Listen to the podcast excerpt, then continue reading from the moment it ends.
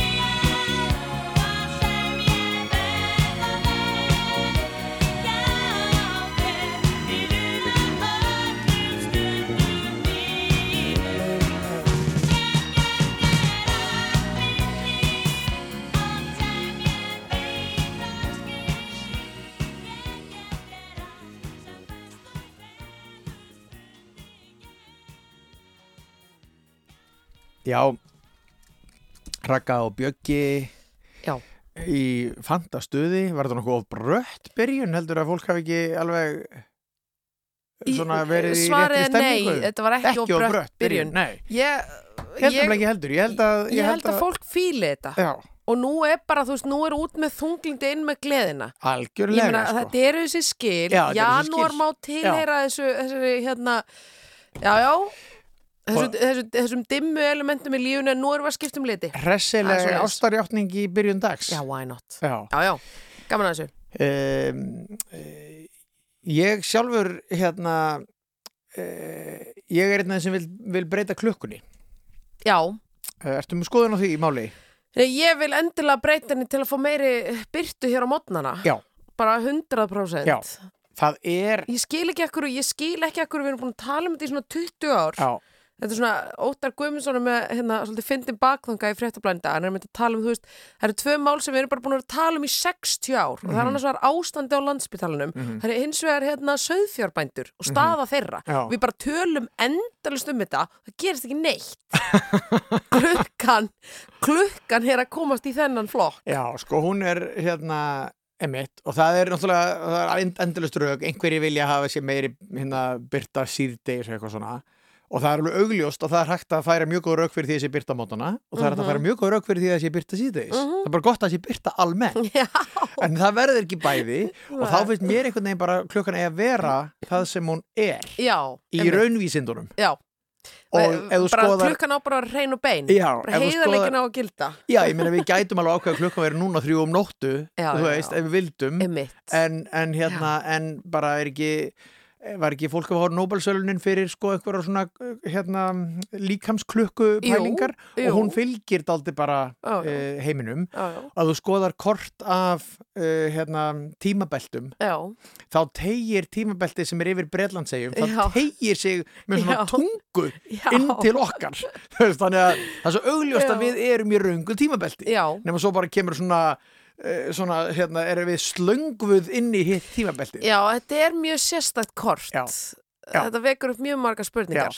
en sko þegar maður er til dæmis um, að, bara á Norðurlundunum eða jafnvel norðarlega Mhm. uh, í þeim, Mm. þá náttúrulega er skamdegi þar líka, en Já, þá já. finnur maður að það er rosalega mikill munur á mótnana en það dimmir alveg Já. snemma síðdeis Já. eins og hjá okkur Já, já, En sum sé, uh, núna nefnilega finnst mér, hérna þegar maður er úti, það er ekki lengur svona skamdegi síðdeis. Það er ekkit eitthvað asnalega snemma að byrja það að dimma. nei, Það bara er að dimma svona um það liti sem maður er að fara að græja já, Þannig að það er svona, það er ekki, það er ekki, einhvern veginn gengur ekki gegn guðsumanna lögum finnst manni. einmitt. En það, það byrtir ennþá frekar seint. Það byrtir enn þá rosalega seint. Já. En ég hef, ég hef verið að hugga mig við sko að því að það, það gerist, þú veist, þegar það er bara komið myrkur klukkan 7-8 eða fyrr á daginn, þá er maður svona, maður er bara meira heima á sér. Allavega mm ég fyrir mitt leiti. Mhm. Já. Hef bara verið rosalega mikið að horfa á rúfspilaran. Já, Ég þakka, sko, ég þakka nú bara, hérna, ekki svo sem einhverju almætti, en bara dagskrádeildinni hérna, fyrir að vera með allavega almennilega dagskrá til að stytta okkur stundin. Heyrðu, hvað ertu búin að vera að horfa á?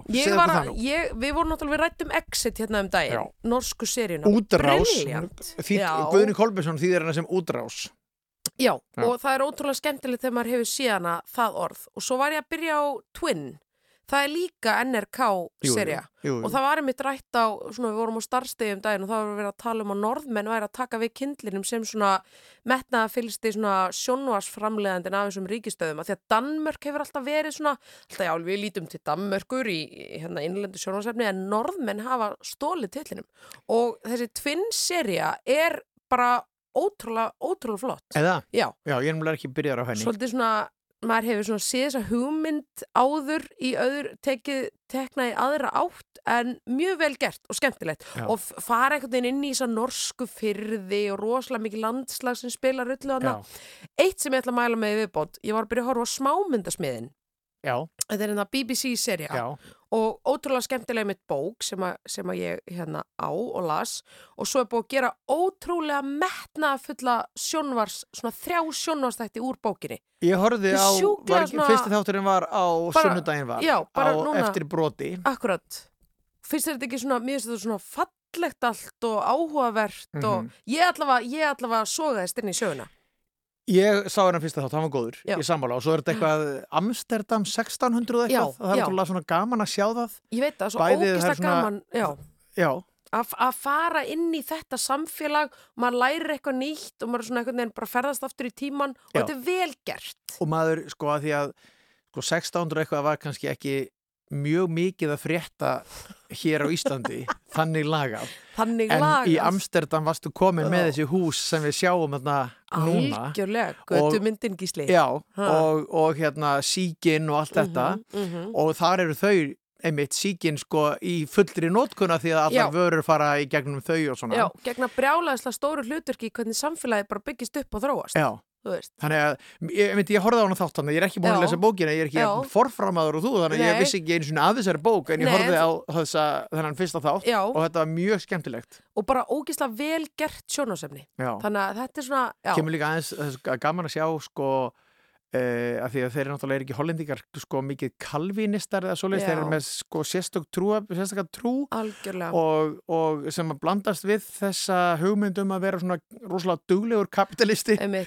Já, já, og hérna og það er alveg mjög áberandi svona sem svona bakgrunnur þó svo sagan fjalli um allt annað. Mm -hmm, Já, nei, hárrétt, var, Nei, hárrétt. ég var búin undanbúin að Sko- punkt vel. Má ég segja þér eitt, hérna, Já. eitt grín sem ég ætlaði að vera með í vikunni í gær sem að, að því ég nefndi brot Ég ætlaði að vera með einn ein brandara sem að síðan gekk ekki upp. Já. að því hann var þarna hann Guðmundur nýrekni bæjastjórin Já, vola fannst mér skemmtilegt hvað að tala eitthvað opinskátt um það. Já, já, Ég elska fólk sem er bara, herri, já, þetta bara gerist, ég var bara reikin Já. Það var bara samil yfirlýsing og hún var ógslega leðileg og þetta er allt frekar glatað.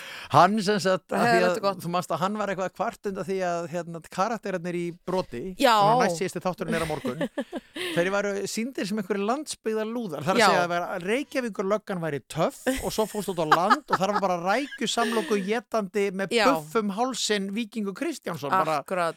og hérna Híni voru í svona barburjökkum og í eitthvað svona flýspessu svona Og- þótti svona og bæjastjóri sagði ég er kannski mesti lúðin af öllum að vera nöldur undan þessu en og svo fór hann að segja fyrir þetta. Þannig að mig langaði síðast í gær Mhm. að láta, láta lögguna, borganis lögguna, Já. viking, Já, koma inn með rækisamlóku já. og segja við Guðmund Byrju, ert þú ekki gæðins að kalla mér lúða eða? Það hefur verið mjög gott Sást þú ekki síðasta þáttar sem ég fann hann að herbyggi í kjallaranum? Einmitt, já, já, já Ertu að horfa á Og brotið það? Uh, já, ég er, já, ég er aðeins eftir á Já, ok, þá ætti ég ekki að nei. spilla fyrir þér Nei, nei, en ég, ég já Þetta er, rosa, þetta er rosalega flotti þættir og þeir eru að fá hérna alveg feikna mikið áhorf hérna á rúf. Já. Gaman aðeins og þetta til er þessari kenningu, kenningu okkar um að fólk þurfi bara daldi gott sjónasefni á þessum síðust ofistu. Já, já, já, já Heyrðu, en hvernig ætla þú að tengja titil næsta lags við umræðumnið? mm, Það verður hans eftir hvað hvert lagið er Sko, eitthvað undarlegt. Já, einmitt, nei, er ekki minn einu tengingu. Þetta, þetta lag getur tengst við sko, Ja, tengist við það. það með setninguna það skeiði gerkvöld eitthvað mjög svo undarlegt. Ég menna þetta geta verið skjáltunir í Grindavík Já, sem að voru sko upp á rúmlega fjóra í gerkvöldi Já, og ef einhverju grindvíkingar eru núna með rauð augu að fá sér kaffi eftir svefn litla nótt þá sendum við þeim bara bestu kveðjur. Uh, Einmitt. en hérna svo náttúrulega gerðist annað undarlegt í gerkvöldi að breytar gengur að Herðu, þarna komst þau, já, Þannig ég að það er bara samþykki það er þetta. ímislegt undarlega sem gerist í gerkvöldi og bara Ríó 3 á, á vel við sem endranær.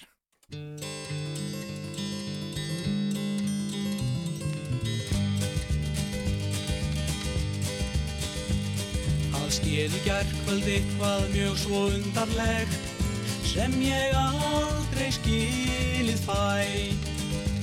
Það gerði líf mitt allt svo nýtt og ótrúlegt og ég skil eitthvað er komið hér af stað en eitthvað hefur undarlegt skeð. Unglingur ég var á ferðum ókun lönd þegar augun tók að sjá. Fjarrri öllum þeim sem veittu verndar hönd þegar eitthvað bjart og ókunnug með snart og eitthvað hafði undarlegt skér.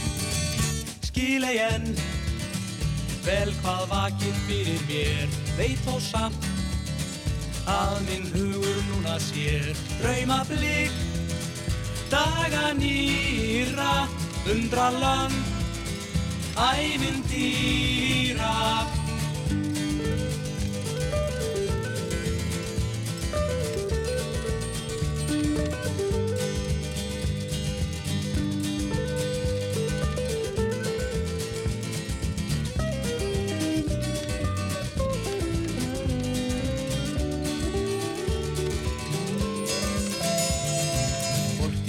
lífi annan dag og hvar hann er og hvernig veit ég ei og hvort ég verð á heimleið eða ennþá hér.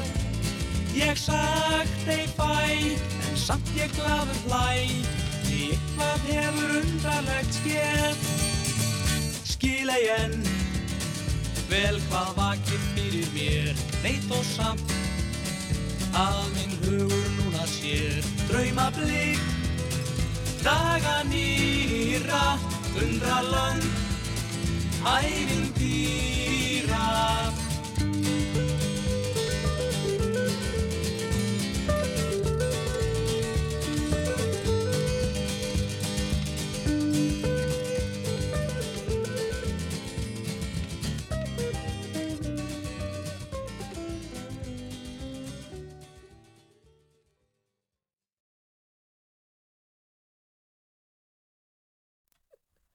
Eitthvað undarlegt. Já.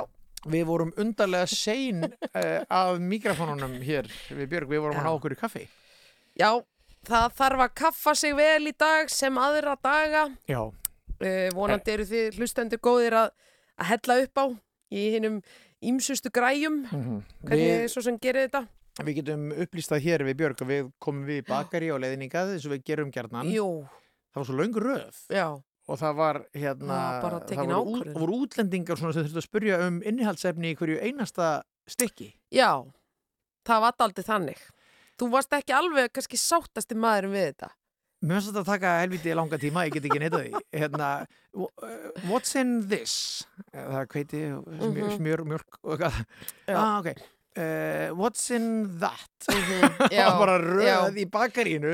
Kauftu bara eitthvað. Já, kauptu bara eitthvað, en svo, þú veist, ég ætla aðeins að taka hinn vagninina vegna þess að þú veist, þegar maður er sjálfur í fríi eitthvað staðar, þá er maður, hefur maður allan Ég tíman í veit, heiminum Ég veit. Og, og ég, er bara eitthvað spurjandi og vill kannski reyna að eignast vini í búðunum til að svona, Þetta er veist- bara, ég þarf bara aðeins að vinna í sjálfum mér. Það er bara ómikil, þú veist, ómikil peringur inn í mér.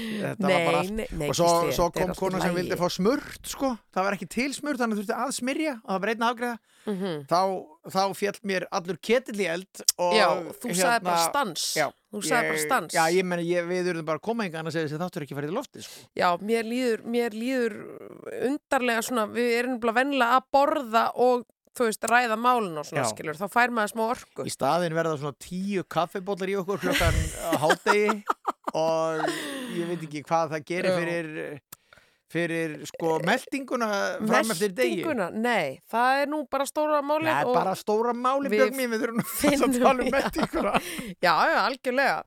En talandi um sko meldingu og, og hérna hvernig fólk er útlítandi og, og allt það, Já, það, það er náttúrulega... Ha, nú nú- með þetta. Nei, það er náttúrulega Kári Stefánsson, Já, Strikes Again. já, rétt. Hann, hann átti, já, einhvers konar, já, svona áhugaverða innkomu í síðdeisúttarpi núna í bara Sko, uh, ég gær. heiti, ég heiti Guðmund Pálsson Já. uh, umsjónumann síðdeis útvarsins Já. hann tók viðtal við Kára og Já, já. hann var, og Kára var búin að vera í viðtalinu og segja Mhm. bara alls konar áhugavert og hérna um offitu því það er fundur í dag Já, uh, Klukkan í eitt. held í íslenska erðagreiningu Já. það ekki jú, og hérna í dag 1. februar klukkan 13 verður Mhm. opin fræðslufundur um offitu mhm. og Kári náttúrulega er alltaf skemmtilega viðmælandi eins og við vitum já, já, Og svo er bara, já, ta, já takk fyrir komuna Kári, uh, gaman að fá þetta fundurinn þessu klukkan eitt á morgun og þá segir Kári, já, sko, kannski bara nefna það og kemur síðan með, ef að segja bara mjög uh, umdeld, nei, kannski ekki umdeld því að, því að Kári er vísindamæður en ekki ég. Uh, uh, hann kemur með svona eitthvað sem að er óvænilegt að heyra, þar sem hann fer yfir Mhm. það að það sé sem sagt að það sem að ræður því að fólk verði feitt uh, að, að hérna, það er einhvern veginn sama, sama breyta sem gera verkum að fólk á erfitt með að taka gáfnapróf uh, þannig að vel gangi já, og þetta Guðmundur Pálsson bara misti andlitið og röddina og allt. Já, það þarf nú já, Já. ýmislegt til, hann, hann segir hérna, hérna er kvótið í hann, sko, nú er ég búin að segja líka eftir því sem þú ert með meiri arfgenga áhættu á því að vera feitur, þeim mun vittlusari ertu, sem þýðir að það er neikvætt val gegn greind, sem þýðir að við verðum vittlusari og vittlusari með hverri kynslaunni. Þetta óskup einfallega þýðir að ef það er til einhvers konar mat á því hvað er gott og vond, þá er svo hegðun sem lítur að mikilli intekt að fæðu frá sjónamiði þróunar er jákvæð vegna þess að þeir sem hafa tilneyingu til að taka inn of mikla fæðu og verða feitir, þeir eiga fleiri afkvæmi. En ef við hugsum um þetta út frá klassísku mati okkar samfélaginu og hegðum fólks þá er offetan að miðaltali tjáning á heldur lélegri starfsemi heilans. Það er óskup einfalt. Þetta er hægt að lesa þetta inn á, á rúf.is en þarna í niðurlega er hann að tala um Það þetta er- einmitt. það að það- er- Já, Já, ég veit, já, já, Nei, ég segi bara, einmitt. ég segi núna fáum við svar frá, frá henni hliðinni og þetta er bara ofnbjör umræða og allt, allt gott um það. Mhm.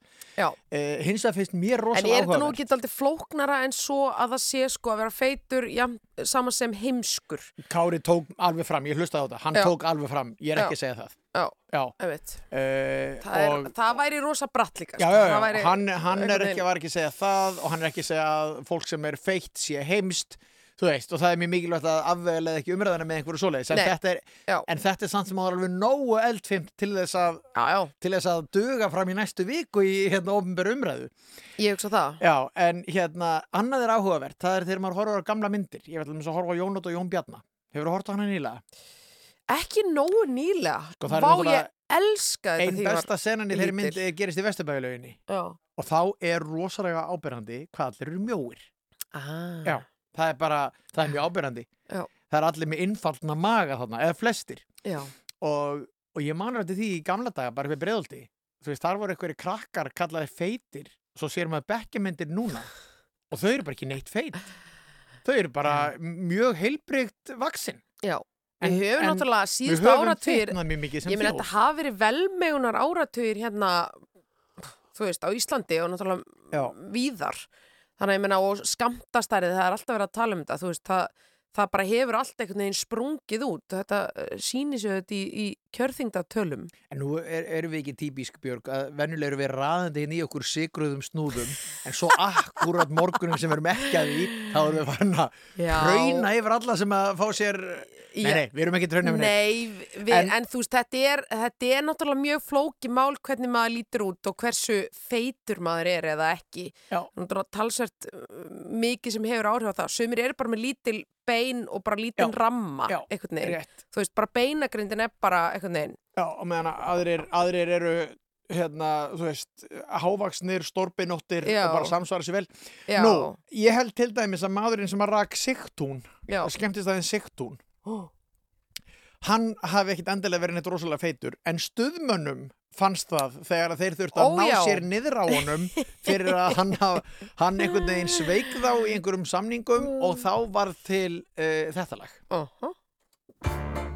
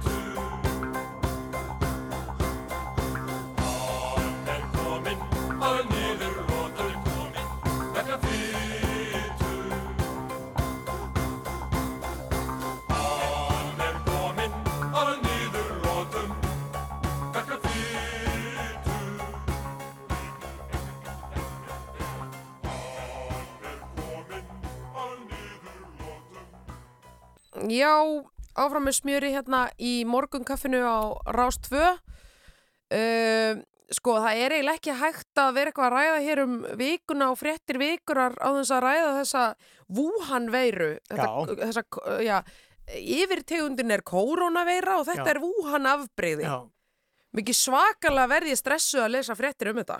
Sko, hérna uh, ég þekki konu sem fór í hérna livjunir í bæ og ætlaði að kaupa svona grímur. Og þær eru bara uppseldar og konan sagði, komdu bara aftur á morgun. Já, og hún kom aftur á morgun Já. og aftur uppseldar. Komið, jú, þá voru Ah. sko og þá voru það aðalega túristar já, sem voru að koma og kaupa sér kannski alveg 300 stykki. Voru leiðinni til Asíu og voru vissum að það væri uppselt þar og eitthvað. Sko, nú var ég að tala við lækni Já, og ég var að mynda að ræða þetta, þú veist, hversu svona stóra grímu á ég að fá mér og ég fara bara alveg Já. yfir í, þú veist, hattar á hérna BDSM grímuna Mhm. og vera bara nota þetta sem sko fashion statement. Og hann sagði, herru verður bara freka með sólgleru mm þú veist, það gerir jafn mikið gagn. Einmitt. Ef þetta er um hérna, þessa raunverulega ógeslu smitt hættu að ræða þá, þá er þessi gríma ekki fara að bjarga þér sko. Einmitt, já eh, og náttúrulega en sko maður sér bara myndir frá Asíu ekki í tengslu Mhm. við þessa veiru bara Mhm. almennt og maður sér líka bara ferðamennina hér Já. ég ekki séð þetta hjá Íslandingum en þá Nei. en í sko til dæmis þjættbílinu í Tókíó og svona, Mhm. þar er, er fólk með þetta Já, hefur alveg verið með í langa tíma líka Já, Þetta er- og ekki held ég að því að að því að þau séu hrættum að smitast af öðrum Mm. heldur oft er fólk með þetta ef það er veikt sjálft Já, já, já, emitt sem að mann finnst nú svona svolítið Það er alveg huggulegt, þetta tengist umræðin um það hvort maður á að mæta veikur í vinnuna Já, þú veist, af því að ég meina þó að þú getur eitthvað dröslast í gegnum daginn eitthvað á halvum tanki já þá er náttúrulega hættu því að þú sért að smita alla aðra sko. Ég held að það sé bara óumdeilt að fólk sem er lasið á að halda sig heima, ekki að mæti vinnuna. en að mæta með vinnuna í grímu og forðast snertingar og svona Jú, já, já, já. Já. Grím og sólgljöru og hanska hanska. Já, en ert þú farin að svona, tekur enn í hendunar á fólki, ertu farin að taka einna olbo segið það er sko ándjóks, það er nýja sko, það er Wuhan handtakið. Já, það er hérna. Sko, ég held í fyrsta lagi Já. að þessi, þessi flensa sé ekkit endilega hættulegri heldur en bara influensan sem kemur árlega til já, Íslands. já. Það er að segja fyrir bara okkur Íslendinga. Mm, Hún eins og er virðist alltaf verða alltaf svona faraldur. Já, já, en það er, ég held ekkit endilega að degi fleiri og ég las það einhverstaðar, það degi ekkit endilega fleiri úr þessari Mhm. heldur en bara svona árlegri influensu, það deyja mjög Mm. margir úr influensunni sem já, eru veikir fyrir. Já, já, uh, þannig að hérna, ég hitti landlækni bara hérna á göngunum á Já. Rúf í gær og hún saði bara ég hef ekki ennþá neitt stóra áhugjur sko. Já. Þetta er samt, þú veist, Æsland er að gera ráðstafanir og það er búið að lýsa við neðar ástandi í heiminum. Jú, jú, þannig að þú veist, þetta er, þetta er ekki alveg venjuleg flensa. Nei, nei nei, nei. nú sér það að Já, aðeins að akkurat, hérna. en það er líka bara náttúrulega að því að þetta er nýtt afbreyði já, uh, en minna flensan kemur á hverju ári Já, og okkur er öllum ráðlagt að fá okkur, veist, bóluefni mhm, gagvert henni, eða þú veist, mótefni. Já, uh, þannig að meina, hún, eins og segi, hún dregur fullt af fólki til dauða líka. En það er eins og það er sko, það er einhver, það er einhver svona heimasíða, mm, tengt John Hopkins spítalanum, já, sem er bara eins og eitthvað stjórnborð hjá NASA, þar sem getur fylst með bara í rauntíma útbreiðslu Já. veirunar. vá Já, ég sá bara fólk verið að deila þessu samfélagsmiðlum í magnað. og þá bara, og þú veist, og svo kom eitt punktur í Helsingi, Já. eitt smitt þar ok, og svo, þú veist, einhvern veginn í gerkvöldi, búm, eitt Vá. punktur í Stokkólmi og maður sér þetta svona nálgast okkur. aha, aha en að, svo líka bárust fréttir af því að það væri fólk væri að ná sér Já. uh, að það væri eitthvað verið að snúa vörn í sók þannig að hérna en við ætlum samt að spila lag þetta er pínu, þetta er pínu svona eh, neikvæður fókus á þetta en þetta er nú líka til gamanskert eða svona, nei, maður er auðvitað ekki að gera grína veirunni en þetta er bara sannleikurinn. þetta er, já, það er ekki komin lif við það er þessu. ekki komin svona almenn lif sem virka á allt þannig að þetta er staðan núna og þetta lag skal túlkast þannig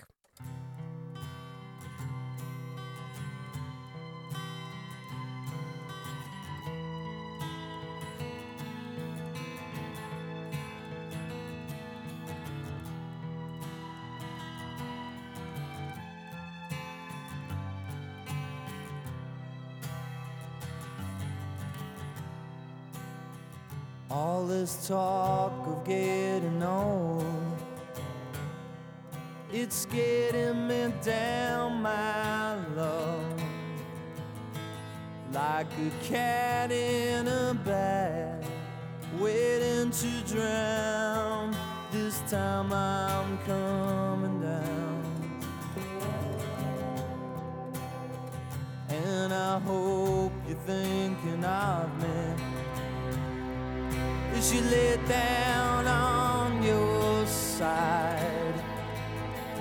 Now the trucks don't work, they just make you worse. But I know I'll see your face again. Now the trucks don't work, they just make you worse. But I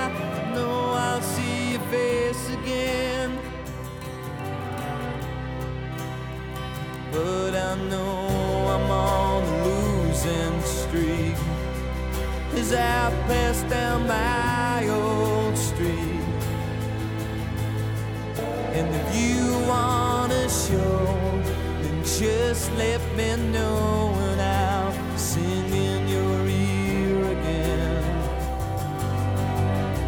Now the trucks don't work, they just make you worse. But I know I'll see your face again. Baby,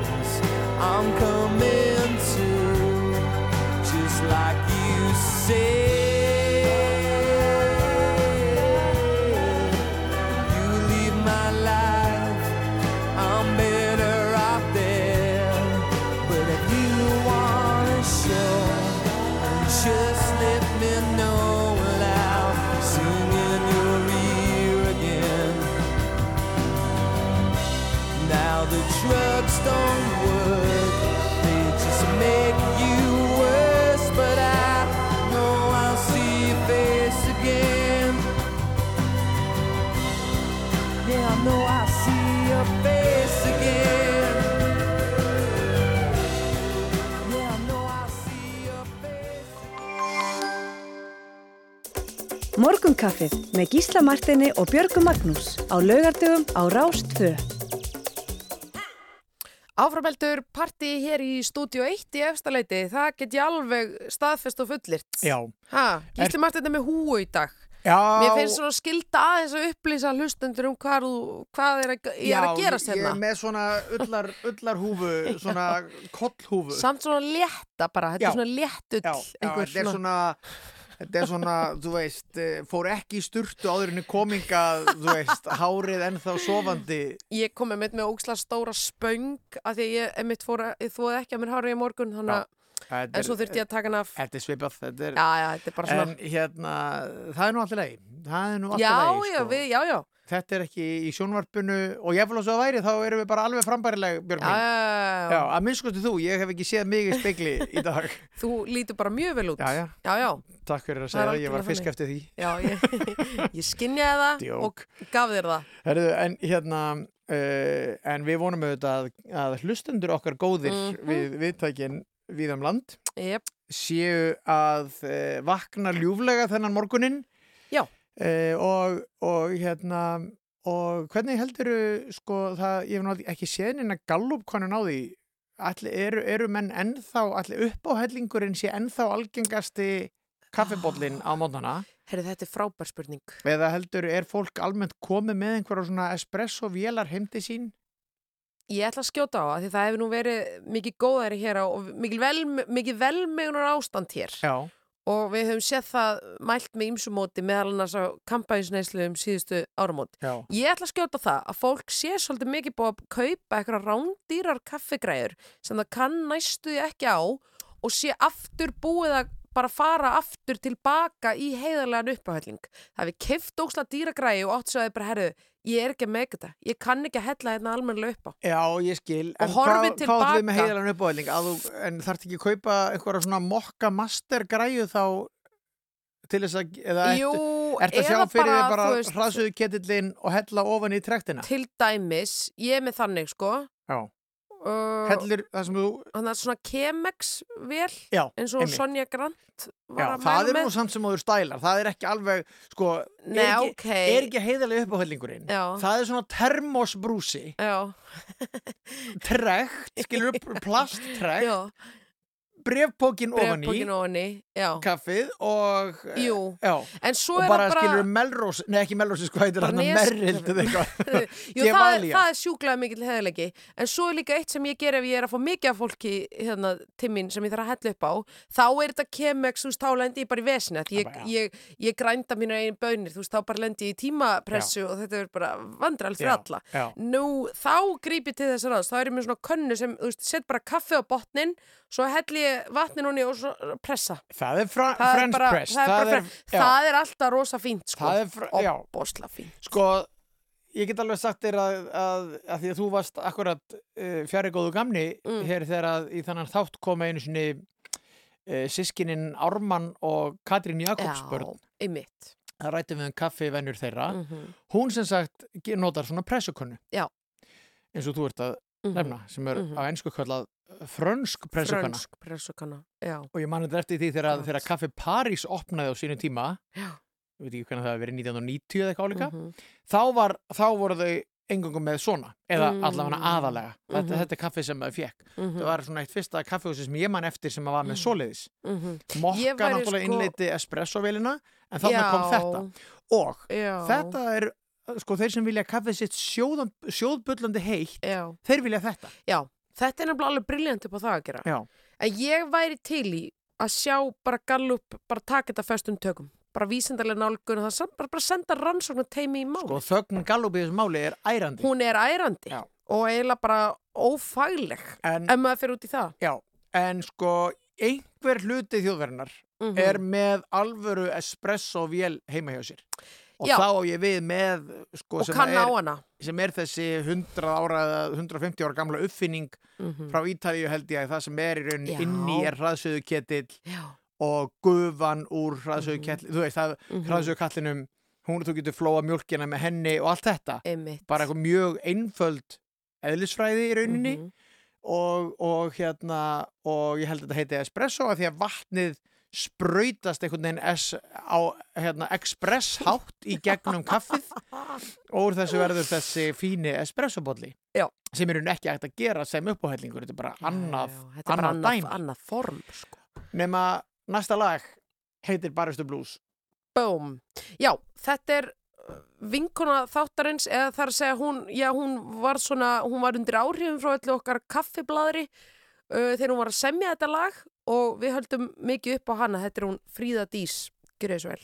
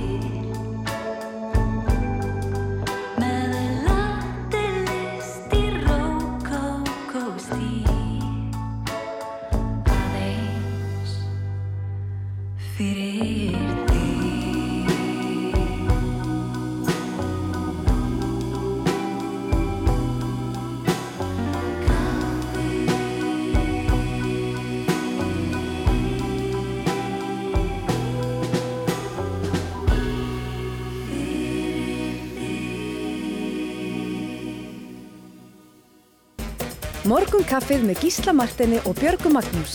Alla lögadaga á Rástvö. Fyrst og fremst um helgar.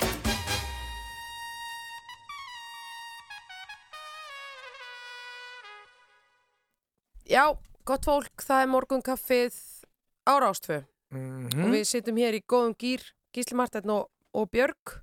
Já, Uh, já, við erum svona aðeins búin að tæpa á svona stórum málinu í vikunni. Eitt enn sem ég langar að ræða. komdu með það Já, takk. Sko, það er, það var, fór, fór nokkur umræða á stað í vikunni, skýtur reglulega uh, niður rótum, um opin vinnurými. Já, Það var hérna, Bilgjan var með þetta mál til umfyllunar og, og svo var líka morgunúttarpi hér á Rást 2 tókut upp og svona og það, það er svona mjög, hérna, mjög mörg sjónarhornin í þessu umræðu. já, Hvort að fólk fílar þetta? fílar þú þetta? Sko, ég náttúrulega, við vinnum á stað með málóðum, Já, þannig að það er, tala þú bara fyrir þig Björg mín ég er, ég er, að- ég er, ég er ekki saklaus. Ég, ég, ég er bara, þú veist, maður er bara félagsvera Já, já, og maður er bara bladrandi og, og ég get, ég skil svo vel að fólki finnist þetta byrrandi. já, einmitt Ég, sko, ég er með Ég er nefnilega sjálfur eiginlega ekki með skoðun á þessu máli. Ég Já. hef, frá því ég byrjaði hérna á þessum vinnustaf, hef ég bæði verið með skrifstofu sem ég gæti lokað Já, og ég hef verið í svona opnu vinnur í mig Já. og ég er bara smá með hérna seriósið á þetta, bæði betra sko þú veist, mér hérna, ég næ ekki eh, fólk næru bara alveg rosalegum tilfinningahitta í þessu umræðu já, já, já. já. Já. Ég, aðalega er ég að benda á það, sko, ég, ég vinn miklu meira ef að enginn er í húsinu. Já, er það? Þú veist, já. Já. Mér finnst það bara voða fínt, sko, þegar ég þarf raunverulega að vinna, þá loka ég mig af, sko. Já. Þetta, þetta verður svona, já, Nei, ég er alveg sammála að ef að, ef að hérna, ég, ég er ekki sem sagt, ef maður þarf að, að skrifa texta eða eitthvað, já, þá getur þetta verið krefjandi, já, þá svona, emitt. að svo kemur einhver skemmtilegur með Ég það. og Jæja, hvað segir, hvað segir hann? Og maður bara getur ekki, maður bara, maður bara Og verður. maður tekur af sér heyrnatólinn Já, bara góður, Já. aðeins að skrifa hérna Aðeins að hérna. en, en svo reyndar kefti ég svona hljóð einangrandi uh, heyrnatól. Það er briljant. Já, það ekki, Og þá getur þú svona svolítið stjórnaði. Þá getur þú bara farið í þinn heim. en svo samt sem að þú kemur einhver eins og ég og nær aukkontakt og Já, ég veit það. En þú ert nú yfirleitt skemmtilegur þannig að þú veist, þetta verður yfirleitt miklu meira gefandi stund fyrir vikið. Ah, herðu, já, já, það- er komið nóg að þessu röfli hérna, næst er það bara hérna fréttir og, og tilkynningar og allt það og við verðum hér aftur eftir tíu fréttinar.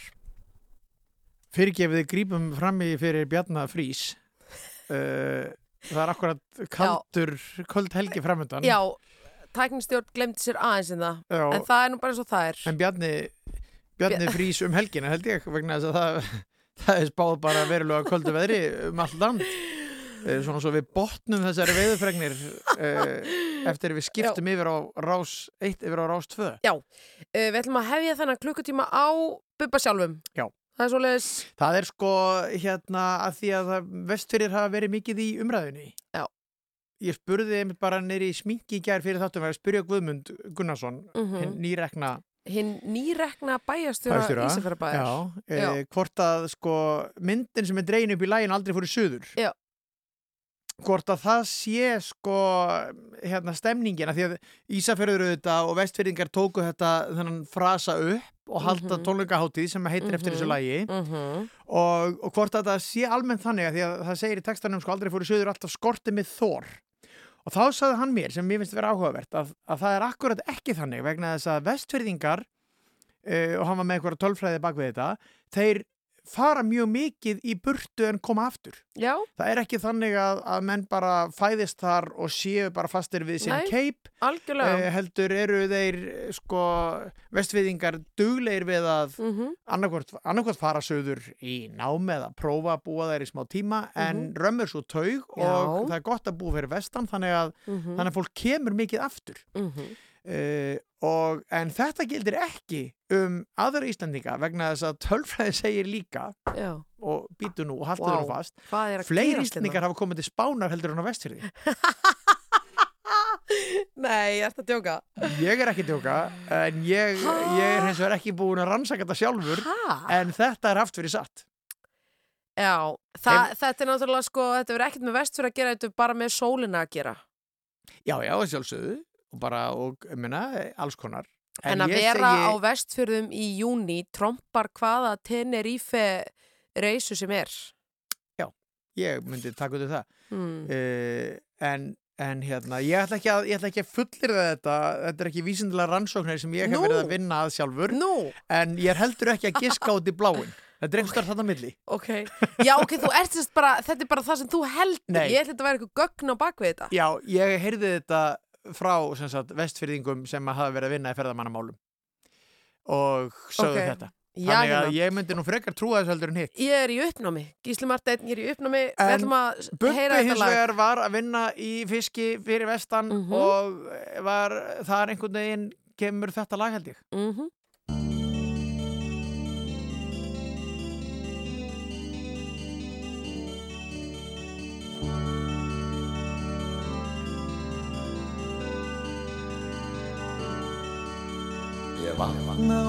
oftast þreyttur Varla með sjálfum ég En ég veit það er til annan líf En það sem ég lifi hér. Og þrá mín hún vakir Meðan þokan byrgir mér sín. Mér vistir í eitthvað annað En góða nóg tjekka og vín Á fisknum lifir þorpið, þorskurinn er fólkinu allt. Það þrælar alla vikuna, vaðandi slór og salt. Við væri bandið standa menn, en þeir finna þar enga ró. Flestir þeir ungu komnir söður, þar sem af draumanum er nóg. Langaði maður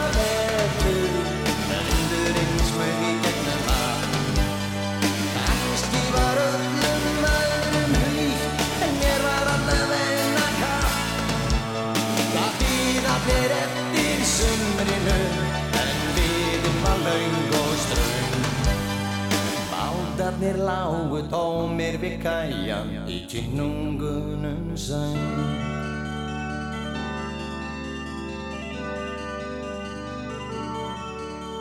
Fadir minn átti drauma sem dóu fyrir lítið þér.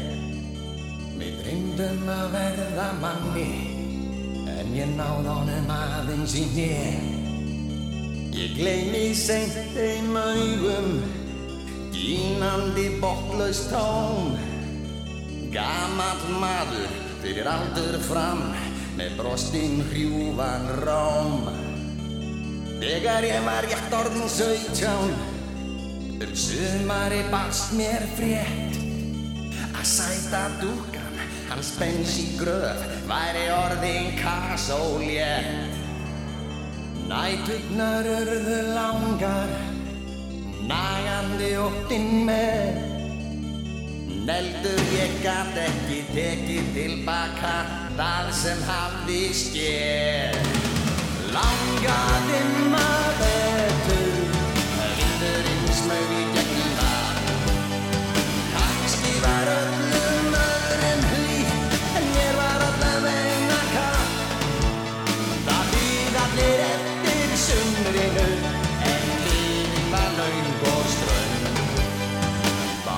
Bátarnir lágu tómir við kæjan Í kynungunum söng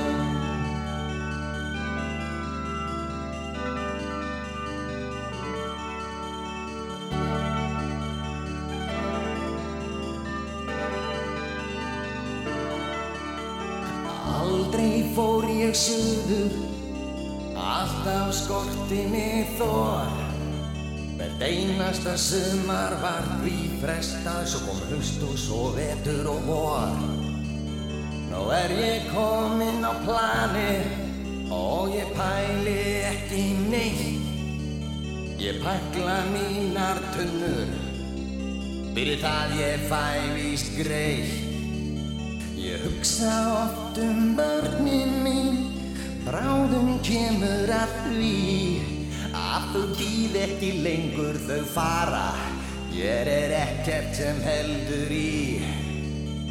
En koma tómir bátarnir og bræðslan stendur auð.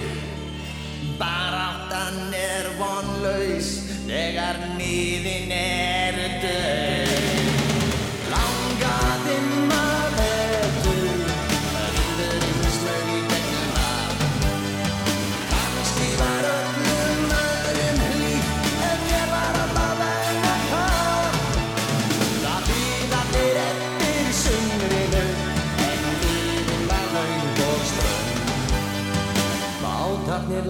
lágu tómir við kæjan Í kinnungunum söng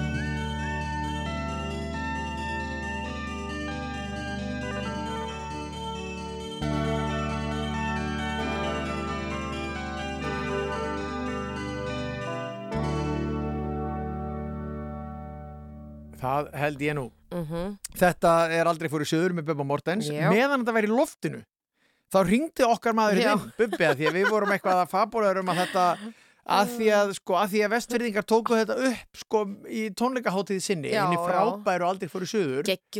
Já, gaman að þeir vísi í þetta lag. Mhm. En Bubbi sagði að þetta er samið um vinans sem að bjó fyrir austan Já. og sem var nákvæmlega svona hann hafði ekki, hafði ekki Mm. sko, sjálfströstuð einhvern veginn til að taka sig upp af því að hann var ómentaður Bubbi vildi nú ekki vera nákvæmur hvar fyrir austan Já. þó svo ég gengi á hann en hann sagði þetta er svona svæðið neskupstaður reyðafjörður þannig við látum það gott heita sem, Já, já. eh, sem sko stafsningatæki fyrir þetta lag en Já. þá vitum við það Já, að, að þegar við við heyrum þetta frábæra lag að, Mhm. að þá eru það austfyrðinir ég held reyndar Já.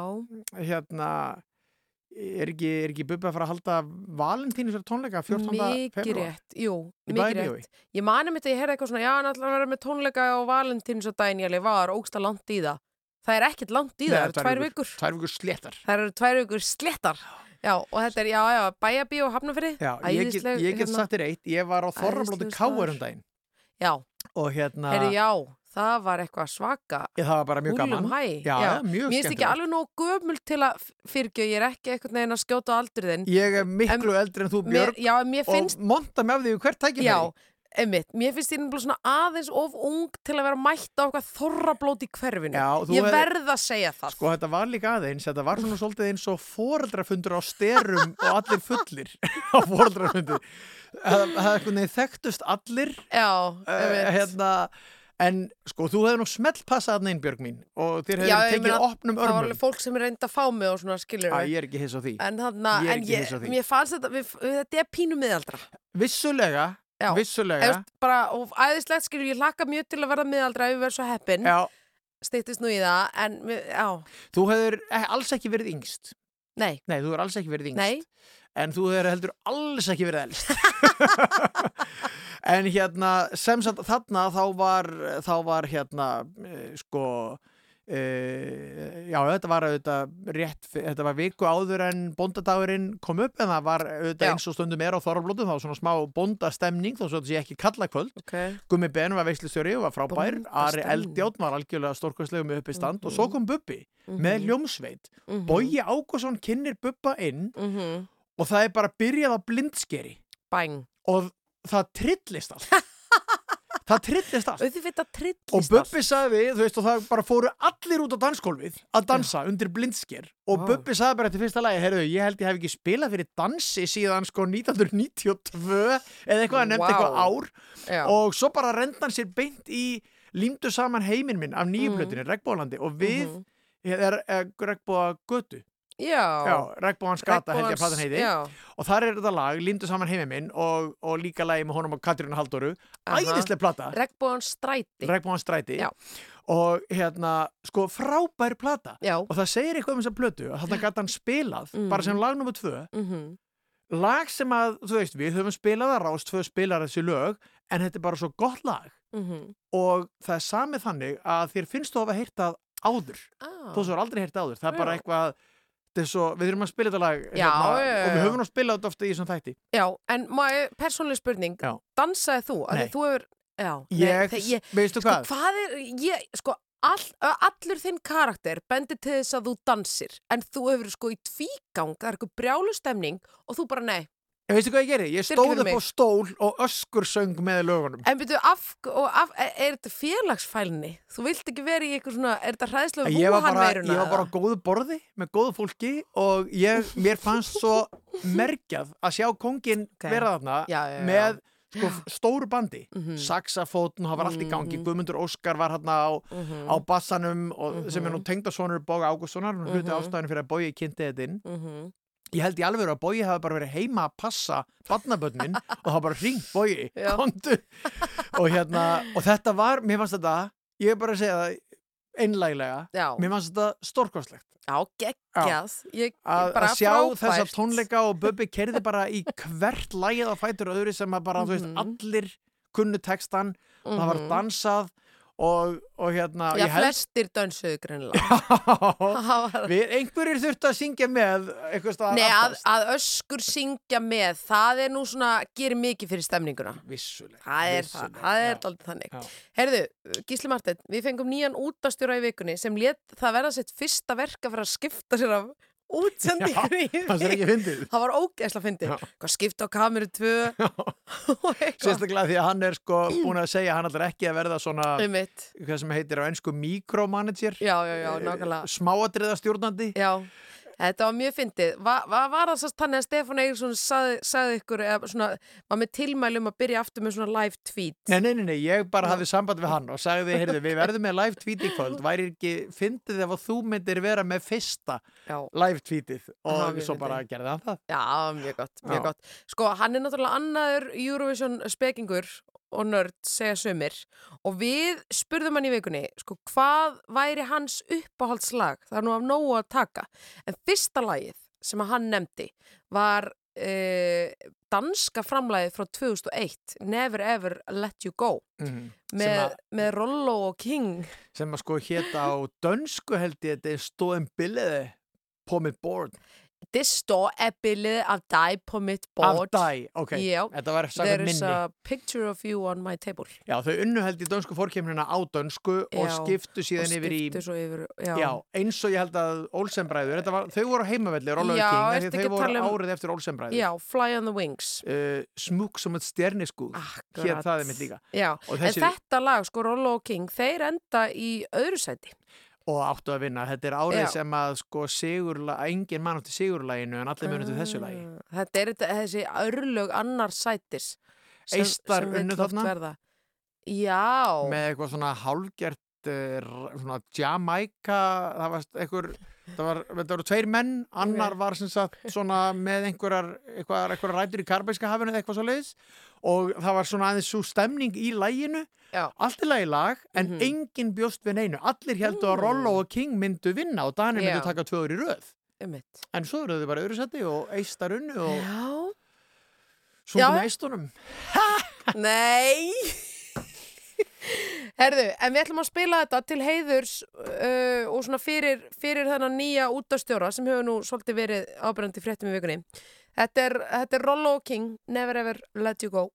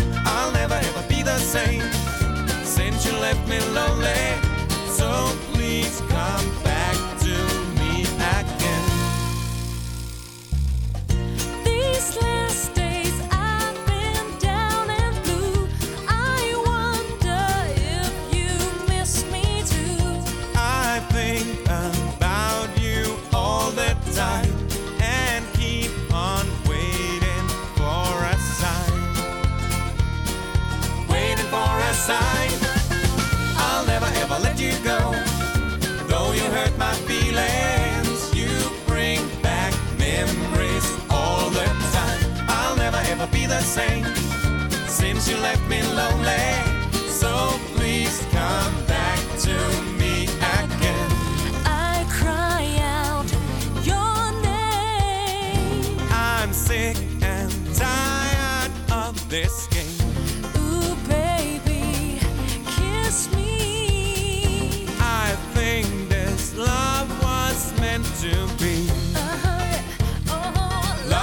to be. Yeah. I'll never ever let you go.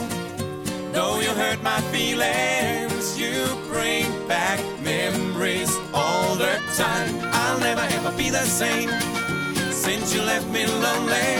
So please come back to me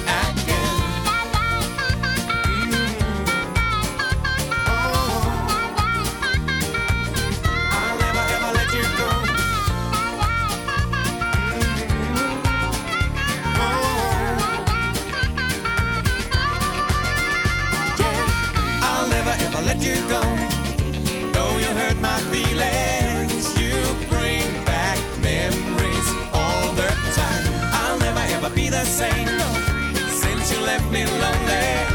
So please come back to me again. I'll never ever let you go.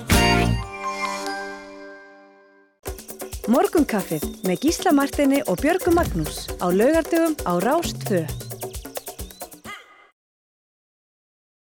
Það held ég, uh, við erum aftur mætt hér eftir þessar auglýsingar. við erum bara um, mætt aftur eftir auglýsingar. Sko, þetta, þessi keppni þarna 2001, við vorum að hlusta á Mhm. danska framlæg sem var í öðru Mhm. sæti.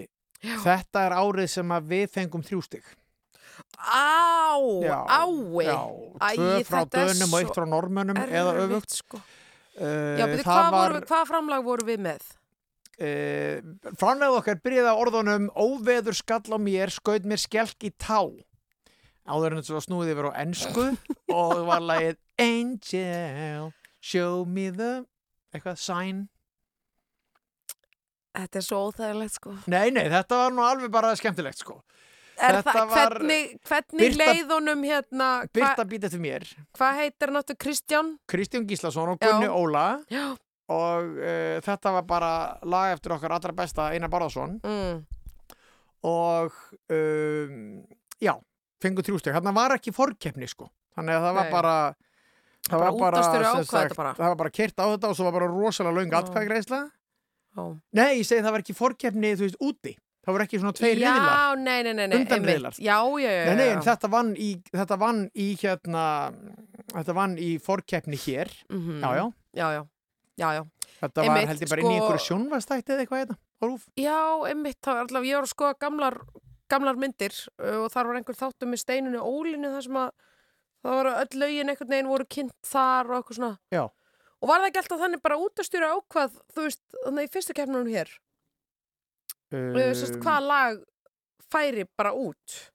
hér, nei, þegar maður voru forkeppnir Ertu Já, að en þú veist, það var ekki, almenningu fekk ekki að taka þátt í að velja framlagið þannig í fyrstu keppnunum. Uh, býtu nú við, var ekki, voru ekki dómnefndir við um kannski land eða eitthvað svoleiðis? Já, já. Það var alltaf eitthvað annað fyrirkomulag. Já. Já, einmitt. Ok, já, já, já. það var örugglega ekki bara komin almennilega tæknin til þess að Nei, hringja inn. já. Það var bara, já, já, fáum atkvæði frá Norðurlandi. Ég hugsa það, það verður svona kosningavöku. Já. Nákvæmlega. Heyrðu, já, gaman að þessu. Þetta er náttúrulega, sko, Eurovision saga Íslandinga er, ég ætla ekki að segja þyrnum stráð, en það hafa skipst á skinn og sko. Það eru smellir og skellir í bland. Já, en sko, við náttúrulega, við náttúrulega erum svo gríðarlega ána með árangurinn síðasta mæ. Hattari, sko, við, það voru fjögur ári rauð þar sem við komumst ekki á lokakvöldi, við vorum bara með einhverja, tókum þátt í forkeppninni á þriðju degi og svo bara komumst við ekkert áfram. Það er náttúrulega gísli, það er glatast. Það er erfitt sko. Það er erfitt og þungt og, og, og mikið, mikið svona, það er mikið, mikið leðja í því. eh, en svo var það hatrið mun sigra sem að færða okkur tíundasæti í úslitunum. Já, en við er erum búin að vera núna, hvað, eh, dálítið mörg ári röð í fyrri undan keppninni sem er á þriðudeginum. Akkurat. Þannig að við höfum búið til gott partí á Lilla Já, já. fyrir þjóðina. En Núna svo, erum við á bara Já. stúra Túrsdag. við, það er fréttir bárust í vikunni. Það var dráttur í vikunni hjá, í Rotterdam, Já. hjá Eurovision uh, höldurónum og við erum í fyrri helmingi setni undanúslita Mhm. á fimmtudeginu. Þannig að það er bara geggjað. Heldur að þjóðin muni samt sem áður safnast fyrir fram að sjónastækið á þriðudeginum? Það hefur alltaf verið miklu minna áhorf á þá undankefni sem við erum ekki í. Já. En þetta er samt, við sjáum það bara í tölunum hérna á rúf. Það er bara, þjóðin vill bara fá sitt Eurovision. Já. Allt í tengslu við keppnina er bara, það er, það er gláft upp til agna á þetta. Mhm. Það er bara svo leins. Mhm. Það er þannig. Það er bara þannig, herðu, en yfir í aðra sálma, þá náttúrulega Grammy hátíðin var hérna á dögunum og það er nefnilega sko okkar kona tók fjögur. Þar er ég að sjálfsögða að tala um Billie Eilish. Við höfum verið mikið að spila hana, en það er platan hennar uh, When We All Fall Asleep, Where Do We Go? Geggjuð. Fekk fjögur stórvelun þar. Og ég ætla að spila hérna Bury a Friend sem er af þessari plötu og svo nefnilega erum við að fá góða gesti til okkar. Bara eftir örfa á mínútur, kannski að- uh, þeir, þeir fóstbræður uh, Felix Bergson og Gunni Helga eiga, eiga afmæli um þessar myndir. Uh, við ætlum aðeins að fara yfir það með þeim og, og sjá hvort það sé ekki einhverjar einhverjar uh, skemmtisögur Mhm. svona baksviðs sem að má segja Ú, að þessu algjörlega. En hér kemur Billie Eilish. Billy.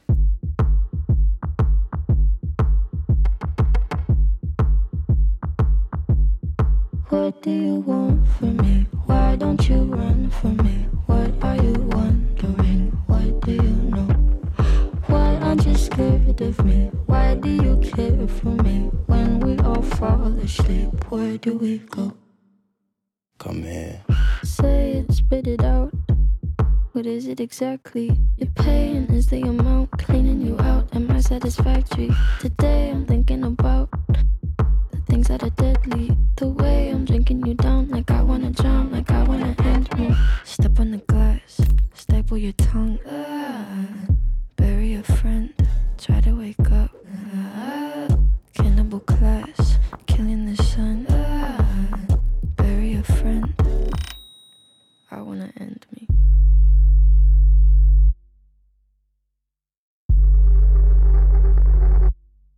I wanna end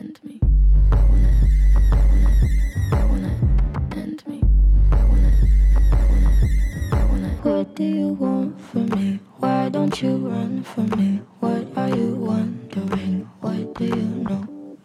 Why aren't you scared of me? Why do you care for me? When we all fall asleep, where do we go? Listen. keep you in the dark. What had you expected? Me to make you my art and make you a star and get you connected. I'll meet you in the park. I'll be calm and collected. But we right from the start that you'd fall apart cause I'm too expensive. Would be something that shouldn't be said out loud. Honestly, I thought that I would be dead by now. Calling security, keeping my head held down. Bury the hatchet or bury your friend right now. The debt I owe, gotta sell my soul. Cause I can't say no, no, I can't say no. Then my limbs are frozen,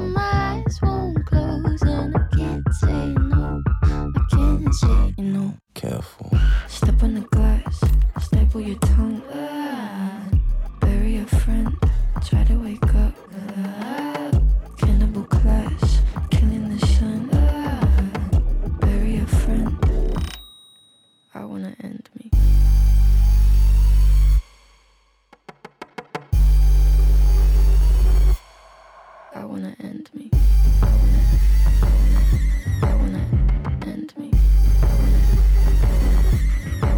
What do you want from me? Why don't you run from me? What are you wondering? What do you know?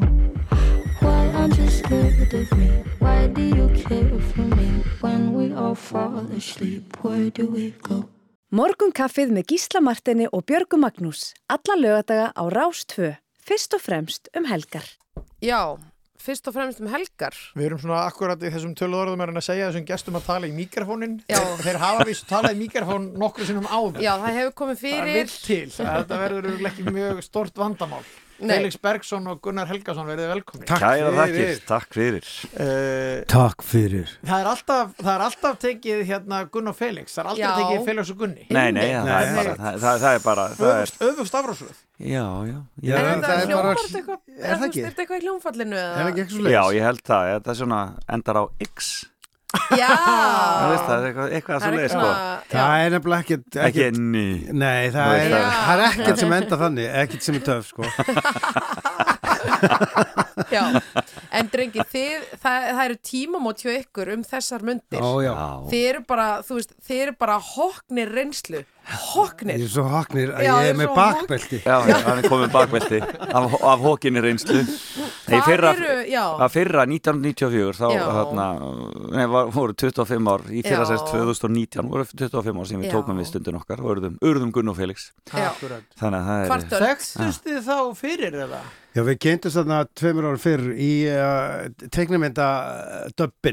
Já, 2 Talsetningunni, fyrir ekki þið já, Við fórum að leika hérna Sesame Street karakterina B- Berta og Árna, Bert Já. and Ernie. Fórum í svaka pröfur og, og fengum öll hlutverkin nema Siggi var með eitt, Siggi Sigurjóns. Já, og, og Sissa var með eitthvað og Sissa var með náttúrulega kvennhlutverkin. Já, já. Þetta og það- þessi og- stórkostlega leikona já. og þetta sem sagt, stöppuðum við þarna í, í, í, í, í, þarna, uh, í mikilli vinnu, já, mjög gaman og, þarna, og urðum perlivinni Svo Já, og fengur líka svo mikið áhuga á góðu barnaefni. Í Já, og Sesame Street náttúrulega, þetta er hérna. Jim Henson, sko, þetta er- þetta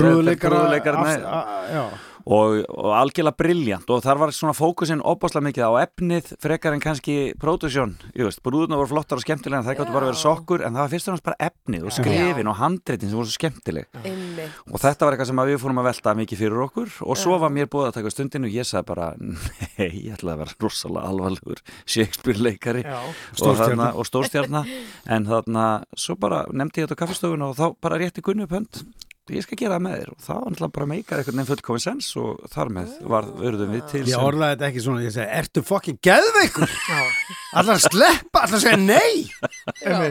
Ég sá þetta bara tækifæri til að gera, þú veist, það sem þú vilt. Já. Þetta, ég, ég upplýði okkur sem svona okkar eigin leikústjóra, uh, leikstjóra, höfunda, leikara, þetta var geggja, sko Einmitt.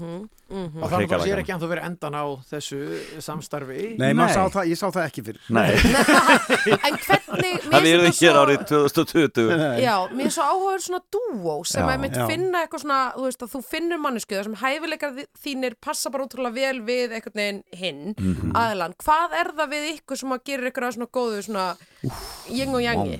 Þú verður nú að spyrja ykkur af aðra því Já, já, en það, sko, það var mjög skemmtilegt við vorum, hérna, það var, við vorum að skemmt einhver staðar um daginn e, fyrir fjölbyrðarskóla Suðurlands. Um, og e, það var svona söngkemni hjá þeim og við, erum, við tökum við mikið af hverju að vera kynnar og svoleiðis í svona svoleiðis skemmtileg heitum og skemmt á milli atriða og fylla upp í og svona. Og, þarna, og það var alltaf verið að spyrja það var svona vídeo á milli og það voru allir spurðið, allir keppinni, hvori finnari Gunni eða Felix? Og þessu allir Gunni ég var orðin að mjög svona niður. ég var ásalega orðin niður. En þú veist þarna en, En það er líka sett uppið, það var þannig í stundin okkar að ég vitlis í gaurinn, sko. Á. þannig að ég er Það alltaf líka svona svoleiðis í og, Það að fyndni gaurinn Já. og það er bara daldið þannig. Og, það vil ég kom þá Er ekki líka. svolítið fyndið að þú sett streitar en Felix? jó, Ó, djúbur Pappa brandari. veit bara ekki hvernig ég á að svara þessu, ég fæ bara hóstakast Næsta spurning, Já, næsta spurning næsta spurning. Nei, en að- aðeins, ekki, ekki alveg á þeim nótum en, en Mm. sko, tveir gaurar hvernig er Já. þetta að segja? 94. 94, jú Já. Tveir gaurar að sjá um stundina Já, okkar það það, hafði- væri kost svo sem ekkert kannski svo mikil tíðindi í dag og þó, en þá alveg klárlega já, já, það var, og það voru ekkert margir kallmenn sem voru að gefa sér mikið að barnaefna á þessum tíma Það var nokkrir, það var smá saga hérna innan hús sko. Já, já, náttúrulega Henrik Bjarnason svo sem var náttúrulega kannski þekktasta dæmi sem hafi verið hér sko bara yfirbarnaefninu en, og stundum í sjónvarpinu, en ekkert alltaf sko, Nei, nei. það var yfirlega einhverjar góðar konur sem voru í því skilfu Já. og margar frábærar Já. og þarna, þannig að þetta var, þetta var óvinnilegt það var engin spurning og, fyr, og, og við fengum sko kveðjur og þakkir frá foreldrum sko stráka sem að bara voru að sjá, Já. sjá fá fyrirmyndir loksins í sjónvarp einhvern veginn sko. það var svolítið það. Þá við að horfa þá meira til þín heldur en Gunnar. Já, já, já, já, Það var kvartað yfir, yfir mér sko það var kvartað. Hann er í ripnum gallaböksum í stundin okkar í ríkisjónvarpinu og svo Gunnar má ekki binda Felix fastan við stól. Og eitthvað svona. Það var bara kvartað við mér, það var aldrei kvartað við Felix. Svo gerðum við náttúrulega sko þetta jóladagatal sem síðan var sko sem var gríðarlega vinsælt en reyndist vera heilmikið tráma fyrir fullt af börnum því að það að lokast inn í herbergi það gekk alltaf út á það að finna líka Já. og komast út það var, það var heilmikið tráma fyrir suma ah, Innlokanu kendin Já, herra tífólín líka Já, hræðilegur. svona hræðilegi karakter gaman að Já. því Það var Já. gaman það þarf aðeins að hræða stundum líka Var eitthvað, svona fyrst að ég var byrjaðar á þeim nótum, bara til þess að ljúka því, var eitthvað, uh, var eitthvað urg í einhverjum, í einhverjum afturhaldsömmum, var Já, það að já, það væri, væri sko tveir gaurar og annar þeirra hommi? Já, Já, er það, var það já, já. Það var nú ekki mikið gunni. Það var það, eitthvað en sko það var ekki Facebook þá, Nei, nei, það. Það var ekki Facebook. Já. En Já. þú veist, maður lendi í alls konar samtölum og fjölskyldumæðlum í mínir lendi í alls konar samtölum. Það sem maður þurfti bara að, að, þú veist, að segja fólki til syndara, sko. Þegar það byrjaði að tuða og röfla hvað á þetta bara að vera fyrirmyndin? Já. Þú veist, og maður bara Já, þetta á að vera fyrirmyndin, hvað er að Já. þetta? En það er svolítið fyrir, ég man ekkert eftir því því að þetta hefur náttúrulega frekar komið til þín heldur kannski heldur en til mín. ég er líka Þú veist, svo óvanur þessu. Þú kannski aðeins Nei, þetta bara kom ekki til mér, ég man bara frétta því að einhver hefur farið hér inn til yfirmanns batnaðefins hér innan hús Já. og, þú veist, og bara svona bent á að þetta væri nú, hérna væri við komin á mikið jarðspringisfræði Það var meiri sér kaffistofun eða mat Já, já, það vísu. Við heyrðum bara á næstu borðum bara, þú veist. Það gerist aðeins. Já. En það eru gjörbreytti tíma núna náttúrulega. Það eru gjörbreyttir lítur Já, já, ég meina, já, já. Og það, þú veist, og ég bara held að, þú veist, hins einn dagur og allt þetta hefur bara breytt þessu og líka bara fleiri fyrirmyndir hafa stíið fram. Já, og þetta er náttúrulega, já, já,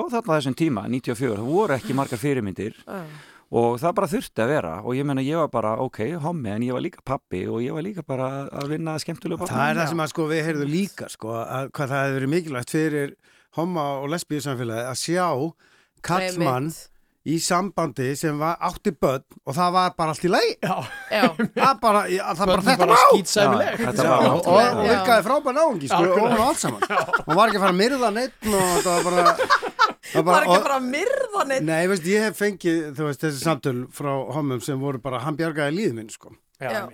veist, eða breytti líðið minnu kannski frekar. Já, Já, þetta, en þetta er líka bara þetta, þú veist að þú þarft bara, fordóma er náttúrulega það að fara að horfast í augu við fólkið sem að er, að- þú veist, ef þú, ef þú tekur alltaf fordómar bú- byggjast á því að taka alltaf fólk sem, þetta er við og hinir og við erum einhver hópur skilur, við erum perratnir í Vesturbænum, skilur við það er bara þannig og það er bara hópurinn, skilur við en, en lögum bara mætir manneskjunni þá, já, býtu, og allt í einn hittur bara Uglu Stefani og Ugla er bara frábær. Heyrðu, Þú hún veist, var reynda frábær hún var hjá frábær hjá Sigmar og ég meina, þættinum. hugsa ykkur hvað þetta er mikilvægt. Og bara Anna. Kristjáns, hvað þetta er Já, já, mikilvægt þetta er bara, auðvitað. að þú veist bara, þú sé, já, ok engin ógn, frábær manneskja Mhm.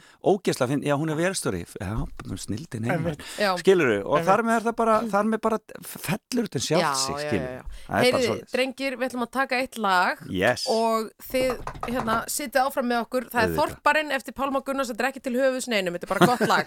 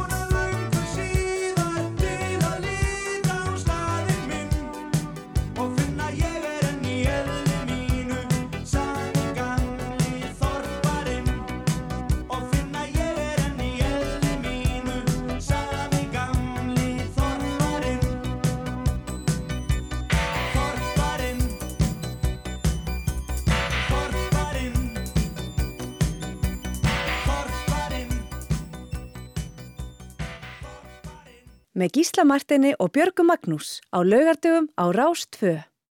Já, áframöldu fjöri hér, Gunni og Felix Já. eru í góðum gýr hérna með ykkur. Já, við- það eru fjóra mínútur í gongið Já, Það, hvað er getið þið sagt á Það er svo fjóra mikið sem mínútur? við þurfum að það, fara yfir. það er hýmislegt Já, við erum nú komin hérna til að tala um tónleikan okkar, því að þú það að spyrja um ammælið, En sko, þið verðið alveg hálftíma í viðbót, Gunni. Já, já Þá er Þannig að Ég Nú vissi ekki. stakk hann. Ég vissi það Hann ekki. var allir maðurinn inn, hann ætlaði að koma því að ég sá að- hvað gerði. Hér var Sástu það í augunum á Það.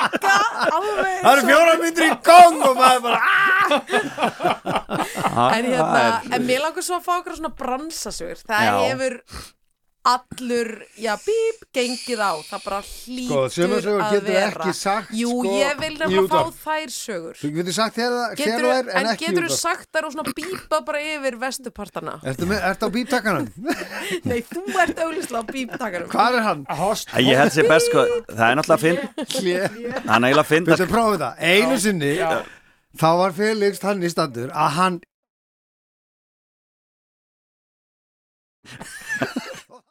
Just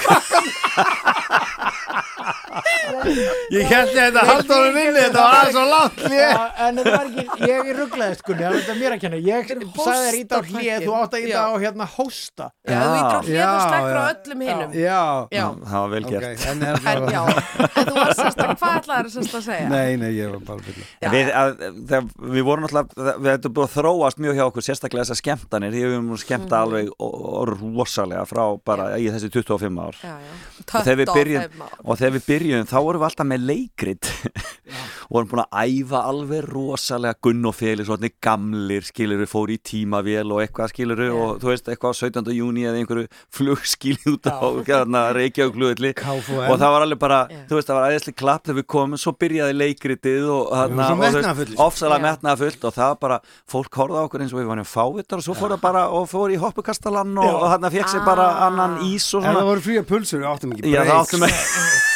það við var svona sér. ofmetnaðafullt fyrir kannski tilefni. Ég vil bara komast að því að það En bara við- það að við dundra á ógeðslega skemmtilegu lægi og syngja bara og láta Ah. alla hreyfa sig og hoppa og það er bara það sem þetta snýst um og það er bara Já, og fýblast aðeins á milli og þá er bara stuð sko, segja nokkra góða brandar og þá er bara gaman. En, þetta, en þetta þurfti við þurftum að læra þetta á erfiða mátan það var algjörlega það, er ekki, sko, býta nú veið uh, Er ekki mamma þín, var hún ekki bara hreinlega kennari í uh, Leikskóla kennar Leikskóla- nei, fó- já, í. Íslands Jú, fórskólanum eða ekki?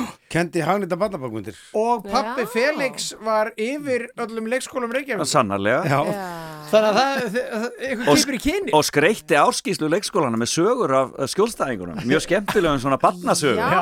svona eins og hérna þegar strákurinn kom í skólan og sagði hérna, að ég er svolítið þreyttur. Nú, akkur er þetta þreyttur, Óli minn? Að þegar ég fór að hérna, fylgjast með pappa að spila fótboll í gerkvöldi, já, var það ekki gaman? Jú, það var mjög gaman, býttu með hvaða liði spila pappi þinn, ég man aldrei hvort það er Barcelona eða leiknir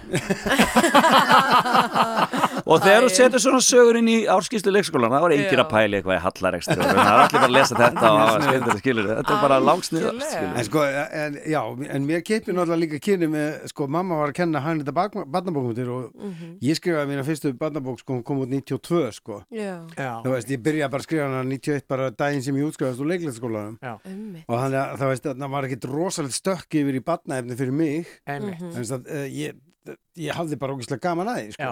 Ég dýrkaði að, að sko, að tala á teiknumyndir og ég var búin að vera með tvo þætti á stöð 2 fyrir börn Ah, þegar að þarna kemur, Þegar sko. þegar Já, Já. og þar var Sigyn Blöndal sem barn Já. Já. hún leikja okkur. Heyriði, góður hálsar, sko, 11 fréttir, við Já. færum þær ekki svo glatt. Nei, ekki svo klart Þannig að það er, það er næst á Menna, dagskrá. það eru jarðskjálftar, Það, come eru, on það, það er Þorbjörn, hvað er að frétta Þorbjörni? Er- En, en eins og fram er við komið, Þorbjörn að þið rísa? ætlið að sko sitja hérna áfram Alveg absolutt með okkur. Förum Þannig ekki að- neitt Nei, þið fara ekki neitt og nú skiptum við aftur yfir á fréttastofuna.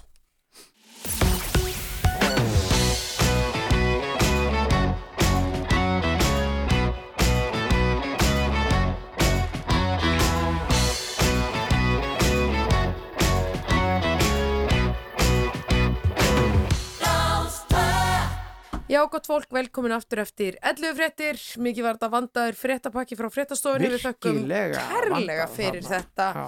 Hjá okkur eru Gunnar Helgason og Felix Bergsson, sko það er af nógu að taka Já. með, uh, með lögum ykkar, en, Mhm. en dómnumdin hefur komist það niðurstöðu og það skal spila hér Marco Polo. Þetta, þetta lag horfði ég á og hlustaði Já. alveg í drep svona 97 til 2004 Já. þá var þetta Vaff á S-spólu. Gunna og Felix Vaff á S-spólu og bara, það, var, það var hort á hana við stöðlust á mínu heimili spólan týndist Vala bara alveg.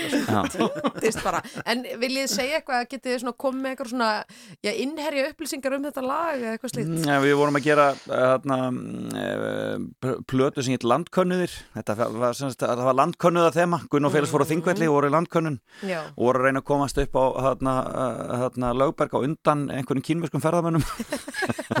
Já, alveg rasístu Já, mjög rasíst Þetta var þá sko, Já, það var já, það var allt öðruvísi þá sko. Grínvergin og hvað svona. Það má geta þess að hérna, já það mátti maður gera Engin það. Það mátti, en, en sko já, númer hvað er þessi ekki plata hjá lengur okkur? hérna. Hún er ég maður. 26 held ég 26? Já, þetta er 27. platan Nei, ég held nú að það sé ekki rétt Þannig að voru tröstur og þurrkur ekki orðnið til Er það ekki? tíma. Nei, ég held ekki Ekki á þessum tíma. Ok, þá er þetta bara 5. Já, platan þetta er eitthvað bara Ættum við að heyra að Hvernig væri það? Hvernig væri það?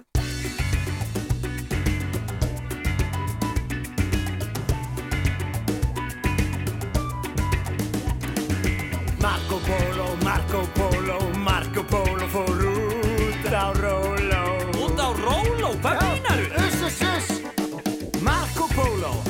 pína Fældi burtu vini sína. Marco Polo var óþekkur Í rólunni var bilaður hlekkur. Marco Polo, Marco Polo Marco Polo fór út á Róló Gunni, Gunni, Gunni, hérna er einhver miskinningur á ferðinni. Uss, uss, uss Róland slitnaði og Marko flög Gegnum himinin drengurinn smög Hann lendi svo með miklum látum Hjá kymverjunum kappakátum Marco Polo, Marco Polo Marco Polo fór út á Róló.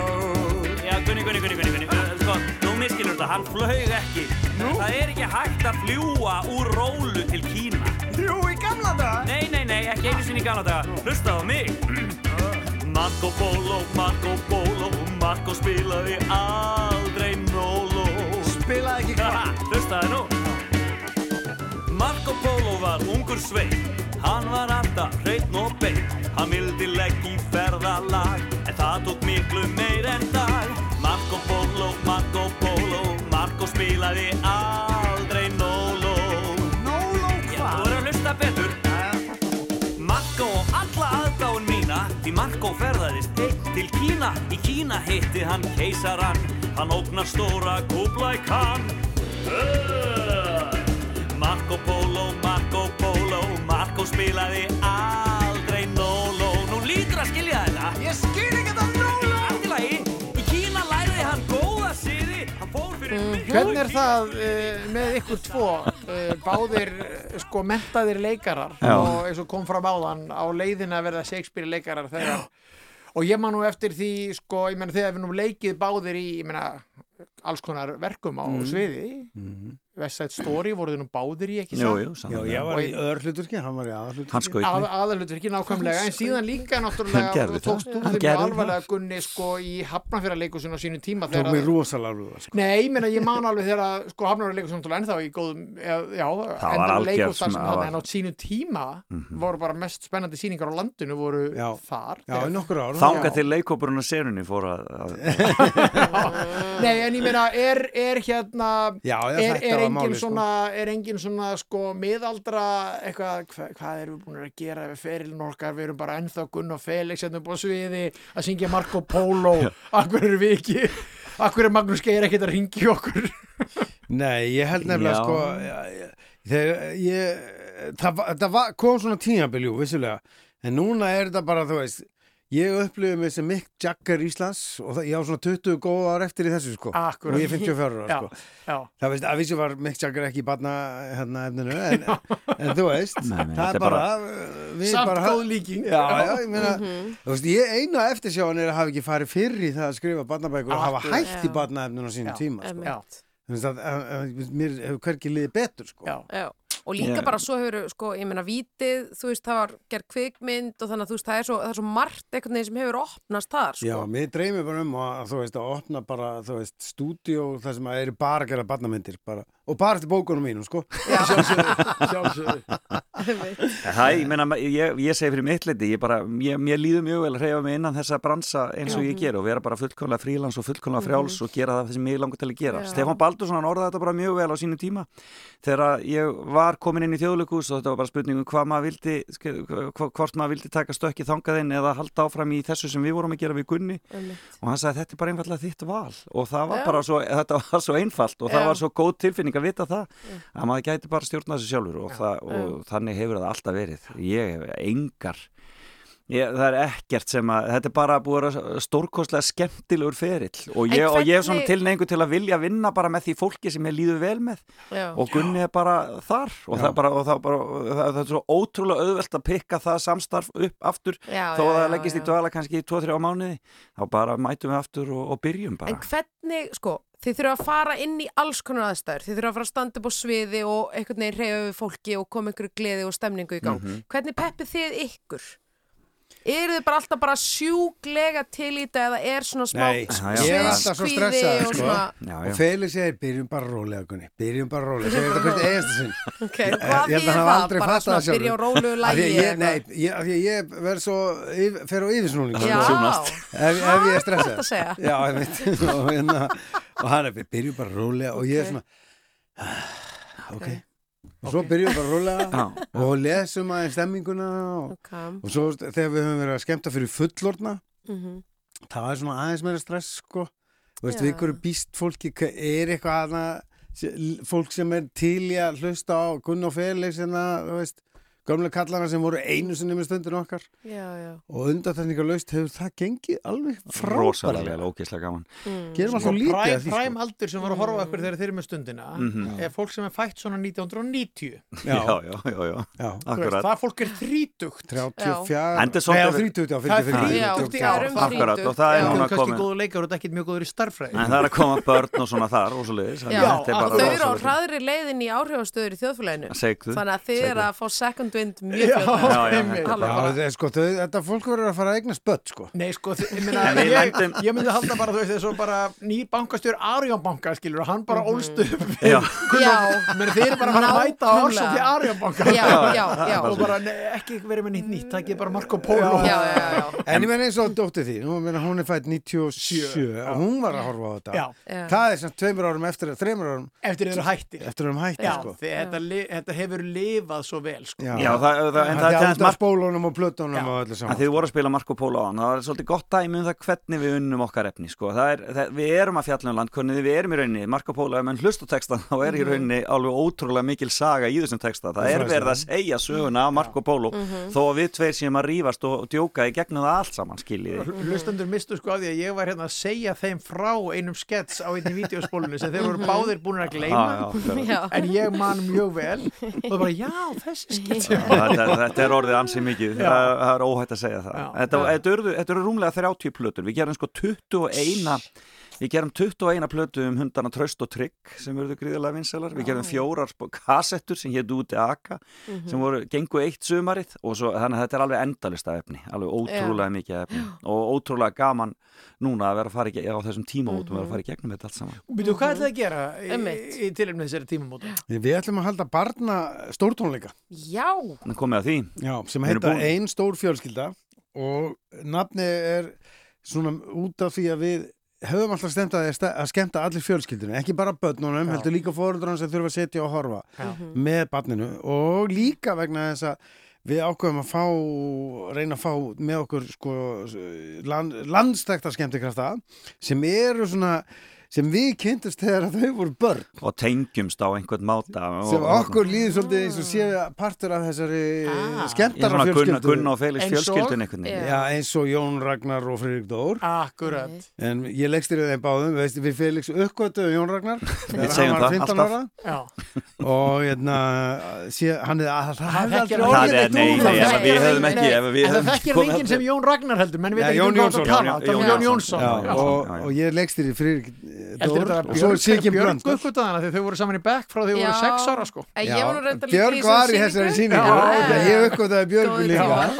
Ah, Ég Gunni. gleymi því ekki Björg þegar ég sagði hvað þú ættir að leika og þú varst svo hissa Já, ég var eitthvað svona kommunista f- fórustu Já, Kona, já. Þú skrifaði þetta. og æ, takk, Já, eitthvað mikið að það var aðal, aðal, hérna, uh, dílamann fyrir uh, Vestló Píutnár var að vera með hárundur höndunum. Já, Það er já. allar að vera með Það hárundur var- höndunum. Já, Ég veit, var þetta sem Þetta var söngleikrit. slappað, af Það var nefndamótið gerist á tímum hérna kaldastriðsins og við erum að fá svona kommunista og kapitalista og svona. Og ég hafði skrifað, sko, verki hétt upprænlega kaldastríðið, en þú veist, þegar Vestlingar komist í það bara, þú veist, hver fer á leikrið sem heitir ég skilur að það, það- það ömurlegt. Ég held að þessi titill. hafi nú aldrei komist til Vestlingar Jú, jú, það var það, já, já, það bara, Kaldastríð þannig að slappa það varð ofan á.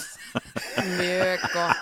En, en þannig að þetta er á prjónunum. Já, Já. Blöndal er hérna líka eins og við komum Já, á, ok, þá var hann í sjónvarsætti á mér. Já, og svo er það hún Salka Sól. Já, já, dóttir hans Hjálmars. Æðislegt Sem- veist, Salka Sól er fyrir engum á Íslandi dóttir Hjálmars nema Akkurat. okkur kannski Já. Það er bara Þú þannig. veist, að hún er bara Salka Sól Já, já. hún sín eigin drottning sko Mhm. en, en hún er náttúrulega dóttir Hjálmars Hjálmarssonar sem var í Vessa Story það sem félagsleika hlutur Mm. og, og, og við erum miklu mátar og þannig að maður hitti hana þegar hún var mjög lítil sko og svo Já. spilaði hún fótbolta með okkur í leikaraboltanum Þannig að maður kynntist henni alls konar máta áður en hún sló í gegn og ég var svo hinsað þegar, hún- er það, what? Já, er hún svona góð söngur? Hvað rugglir þetta? Af því að maður hafði ekki hugmyndið það. Einmitt. En, en það er frábært að fá þetta fólk sem að, þú veist, maður einhvern veginn vann með á, á uppásáránum, sko, til, og, og eru, með, eru með eiga rosalega hittara, sko, þegar kemur á tónlist fyrir börn, sko. Felix, mér finnst þess að þessu allir hann úr hafnafyrðin nema þú Já, það er þannig, það. Salkar og Kópavogi Já, já, þetta er daldið, þetta hallar daldið. En ég meina, ég er náttúrulega er bara, ég er bara adopteraður gablari, sko. Já, já. já, já, ég er bara búin að vera þar úða mikið líka. Já, hann er líka náttúrulega í mömmu klikk núna. Jú, jú, Já. já. Og svo verður náttúrulega mamma klikk á þessum tónleikum, sko. Vala Guðuna Já, Já. og Þórun Lár, skilur Já. þetta er náttúrulega bara, þetta Býtu, er bara hvenar, hvenar verða þessir? 14. mars. 14. mars, það steytist í það þannig þeir eru byrjaðir að hérna, gera og græja Já, já, allt Við komið, að, já, fundur í gær um opnunadrið. Máni Svavas með tónlistarstjórnina og, og, það og Birna Björns og Birna Björns með 80 Þar krakka kemur gamla Já, Máni. Svavas. Máni Svavas og Nostra, Felix Bergson Cosa Nostra. Já. Þú veist, þú voru með nefndamóti þú veist, 8, 10 og 6 Já, eða já, eitthvað svoleiðis Já, sko það er ekki hægt að sleppa þér, Felix minn Já, uh, á þess að tala örlítið um Eurovision. Já, Það er náttúrulega stóri Eurovision dagur í dag. Er byrja.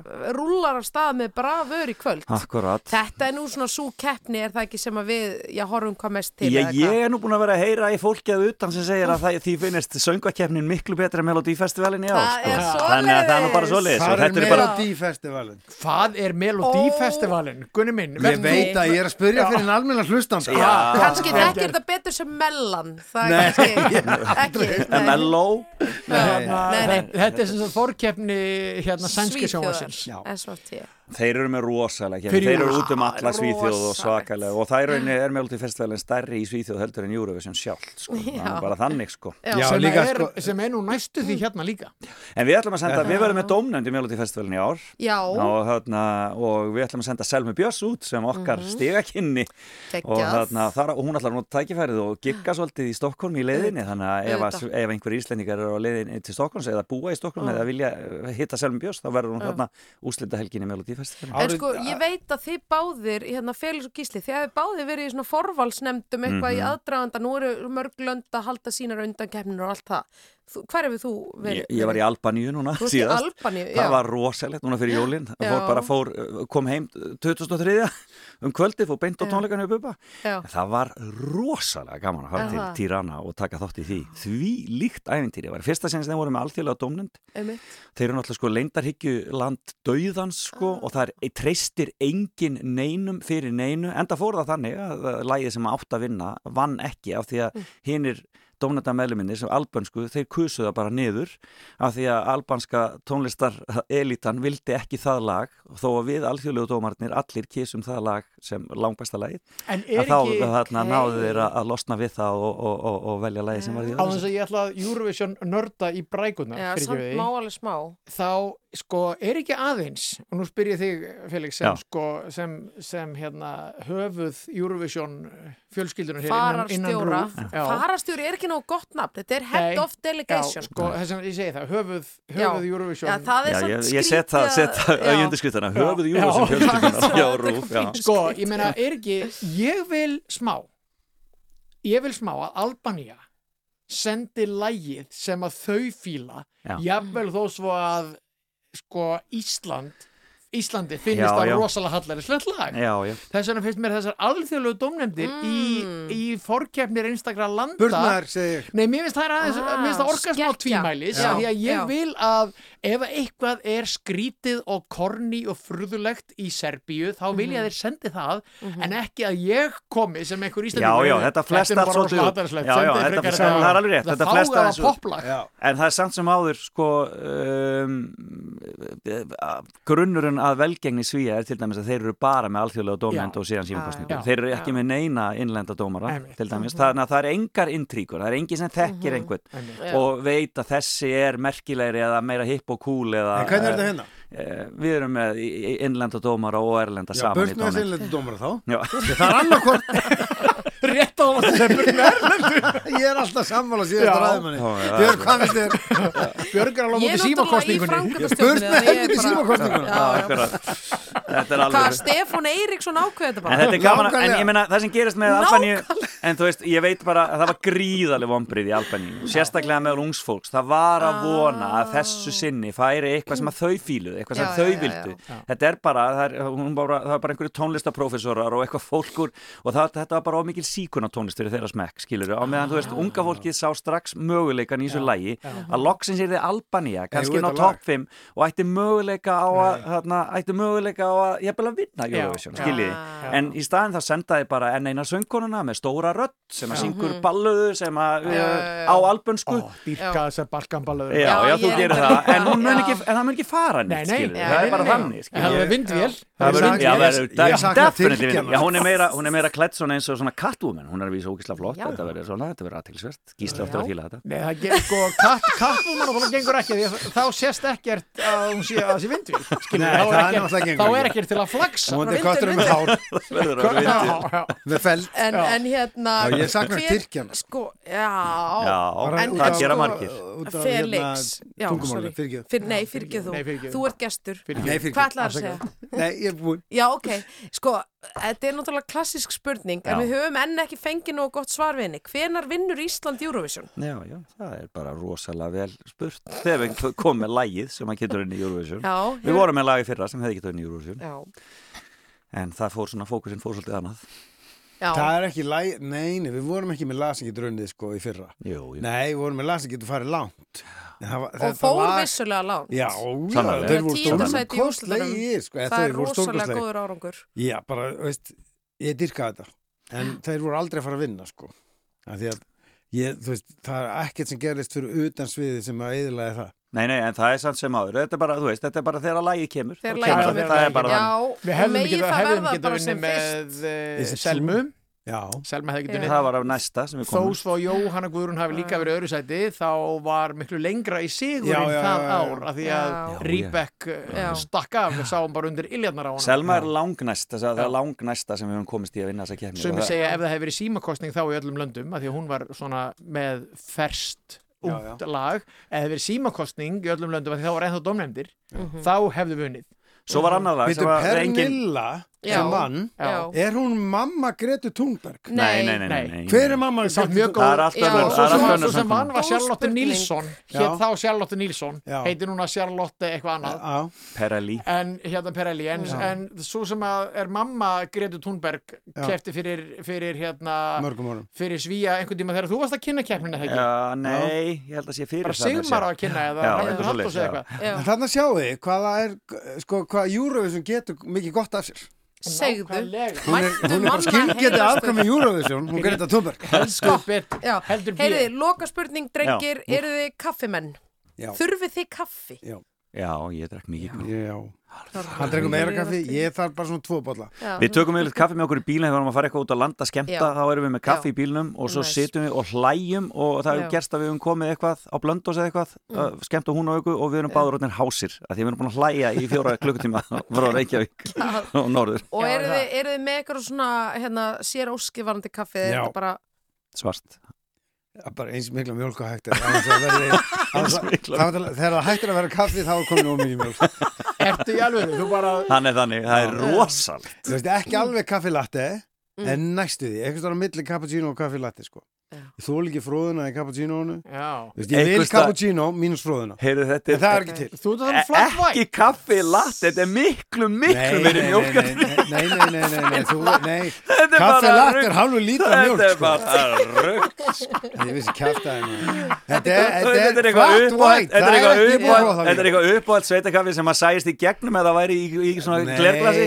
Og svo bara gefur mjölk, mjölk, mjölk Þetta er ekki með sko rosalega góð kaffi og þess afsaka, kaffi Pallett Jú, við hliðin og leikúsviðinu og, og það er mikill vinnustöðar fyrir okkur, fyrir okkur leikúslistamennin og, og hafnarkaffi Hvað pantar þér þar? Ég, sko, það, ég þarf alltaf að- Að byggjum meiri mjólk, byggjum Já, meiri er- Svo veist, mér langar í cappuccino bara enga helvitis fróðu, það tekur alltaf fimm minútur bara, að ég, fer ekki nú Og vera meiri mjólk. regular, sko. Akkur spyrðu að þessu? Nei, þetta er bara, æ, við erum með Þátturinn þáttinn heitir morgunkaffi. Það eru svona, við, við, við Skemmtilegt. spyrjum oft gesti að þessu En mikið var gaman að fá okkur Bara rétt í fyrir lókin, kærlega. hvenar eru Já, 14. þeir mars. eru 14. mars Og það er ekki margi miðar eftir. það er er svona næsta stóra hjá Gunna og Felix. Já, já, og þetta, þetta, verð, þetta er svona tónleikar með tali. Mm -hmm. með mhm. skemmtilegum lögum, bæði sko, hérna, hitturum íslenskum mm -hmm. og líka barnalögum og svo erum við líka með smá grín á milli og svona dettorassin og svona láta krakkan að hlæja. Það er nummer eitt Já, ég er ána með þetta. Felix, næsta lag er tilenga þér Hot Head of Delegation. Hadri mun segra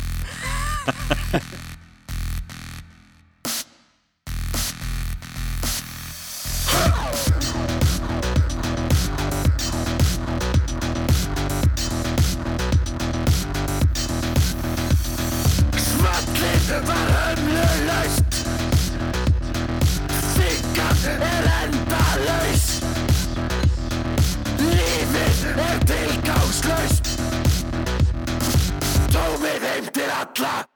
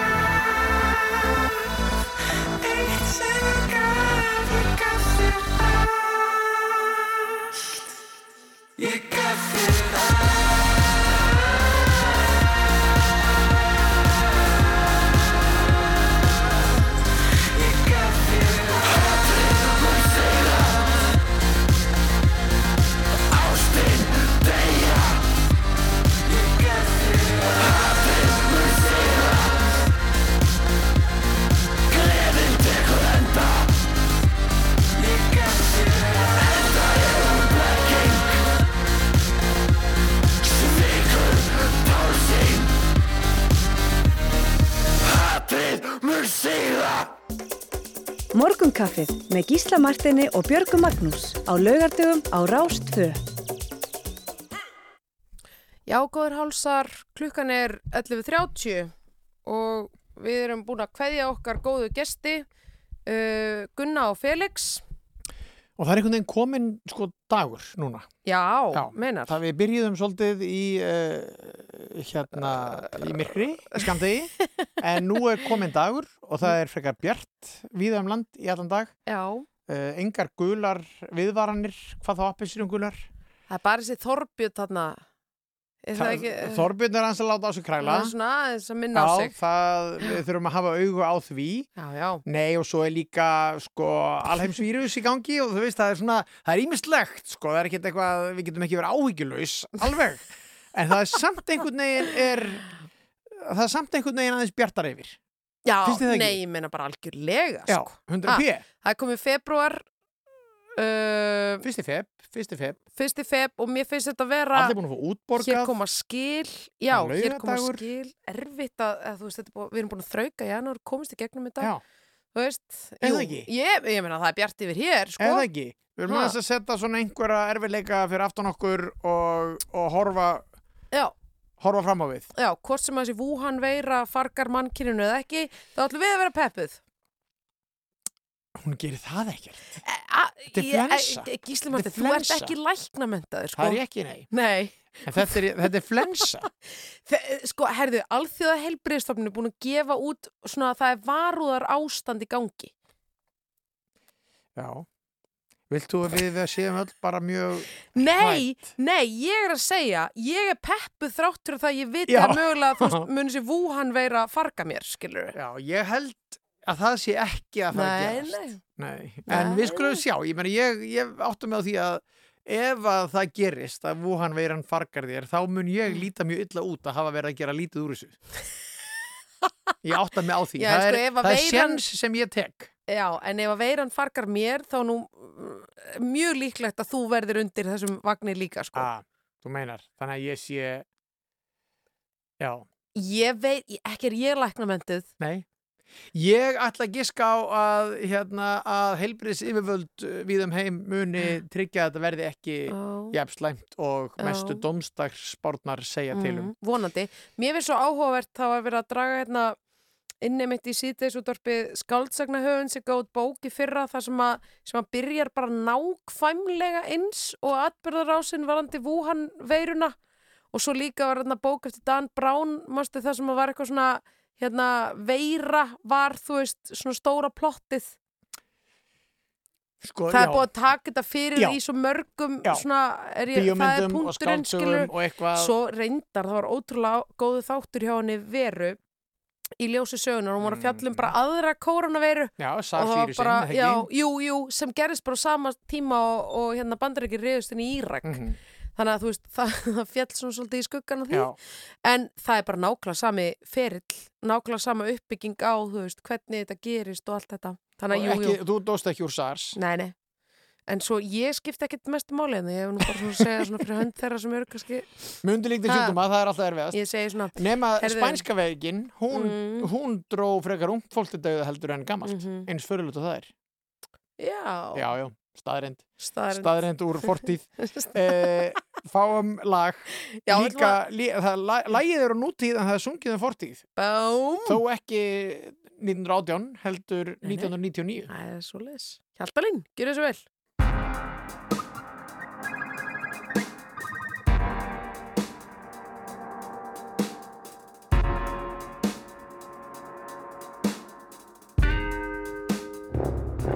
It's morning and we're blue. Cause what happened all night through was made for me and you. And now it's gone. There's a certain kind of love that will show us the way. So when your lips meet mine, I know I'll ask.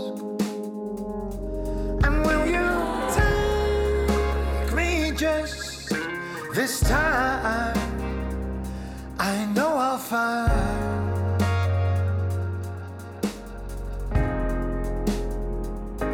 And will you tease me just this time? I know I'll find. I know I'll find love from 99. We got the feeling right in time, drifted by. What kind of fool am I to let the world go by and lose another smile? What kind of lips were those who lie with every kiss and now I feel the miss? It's time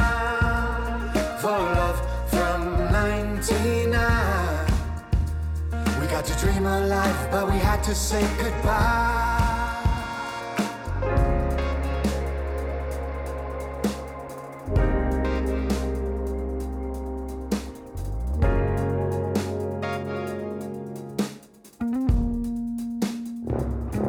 I catch myself awake in the middle of the night. The bed is empty by my side once again. So I travel back in time to another century that was made for you and me, where I say. Love from 99. We got the feeling right and time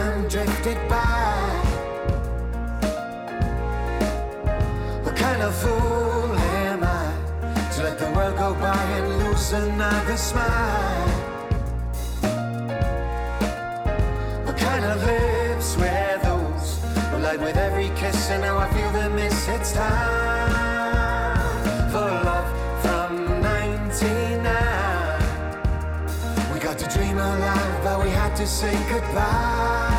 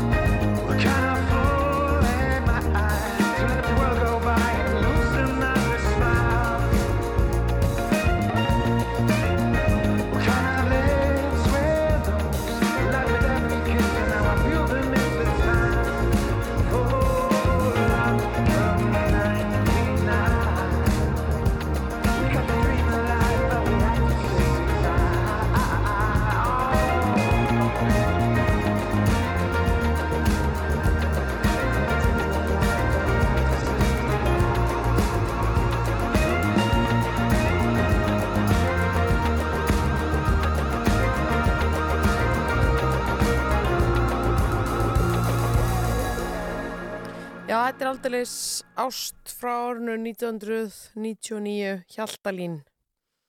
Geggja lag. Kom Frábært út lag. bara, var ekki bara svona snem sumars, einhvern veginn.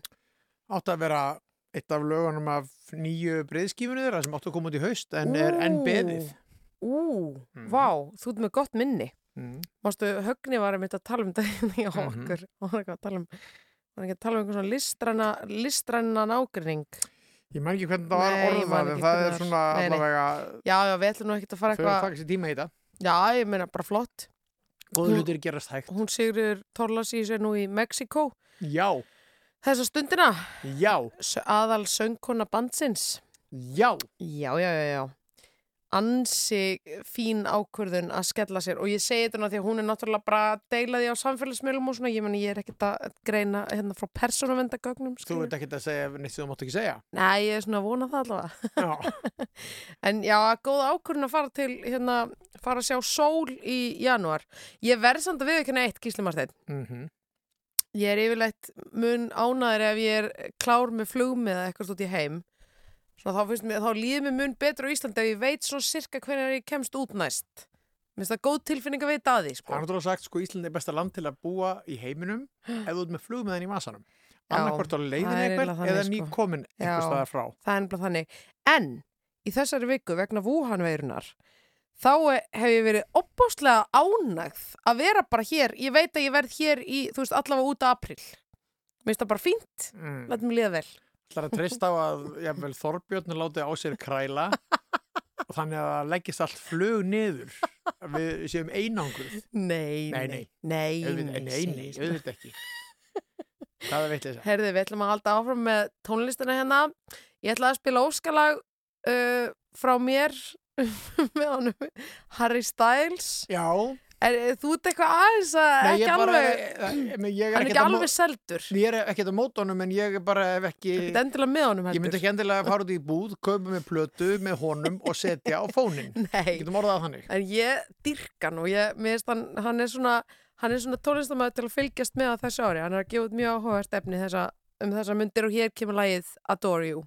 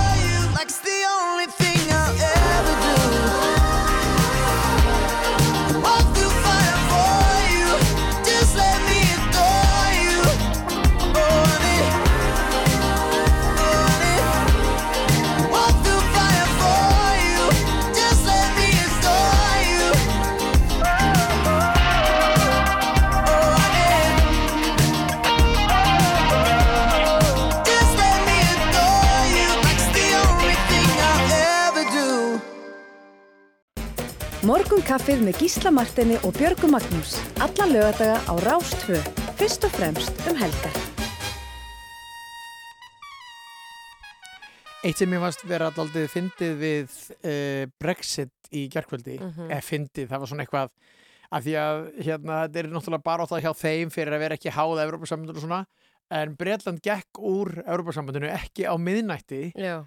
heldur á miðnætti í Evrópu, þannig að það var 11 í Bretlandi sem var svona Já, já, já. Eh, svona smá antiklimaks Já, og þetta rammar einhvern veginn inn kannski svolítið líka bara mikið málið, sko. Já, ég hugsa að þeir sem að þoldu ekki Evropasambandið, Já. þeir hafa verið bara "Ah, típist Já, og ég var nú að hlusta á eitthvað viðtal á morgunvaktinni í vikunni á Rás 1 og þá var verið að tala um sko einmitt að þeir eru komin í svolítið sambarlega stöð og við erum í, að þú veist, við þurfum að taka við rosalega mikið að regluverki uh, og lögum og tilskipurum og öllu þessu dóti en höfum ekkert um það að segja þú veist, í gegnum EES-samningin Já, sko, þeir eru náttúrulega ekki eins og í EES Nei, Nei, við erum nei. með samning við, Já. þeir eru núna að Já. fara að reyna að fá Já, samning eins og við erum með þannig að þú veist maður velti fyrir sér hvern, eða þú veist, það verður auðvitað bara forðinlega að sjá hvernig þetta verður í praktík Mhm. Mínum en skotar er eru bara óanaði með allt saman og segja, herðu, nei, nú bara, nú viljum við bara út úr Bretlandi og inn í ESB. Það var mjög margir skotar, það er svona Mhm. cirka 50-50 held ég. Já. Helmingur þjóðarinnar, uh, já, þjóðun skiptist hans í tvent varandi þetta. Já. En hérna, er svona aðra aðeins aðdeglisvert hvernig þeir eru ósáttir við nágranna sína í söðri. Já. Englana. Englana og það er þannig að, að Boris Johnson eða fósætsára hverju sinni þa- þarf að gefa leifi til að Skotland megi kjósa aftur Mhm. sérst að halda svona þjóðuratkvæðagreislu um, um hvar þeir ætla að vera Mhm, Það mun nú ekki endilega fara vel í skota ef að þeir Nei. geta ekki fengið að Nei. greið atkvæðum með einu sinni. Nákvæmlega. En heyrum hérna Jeps. skoska tónlist. Jeps, Why Does It Always Rain On Me með Travis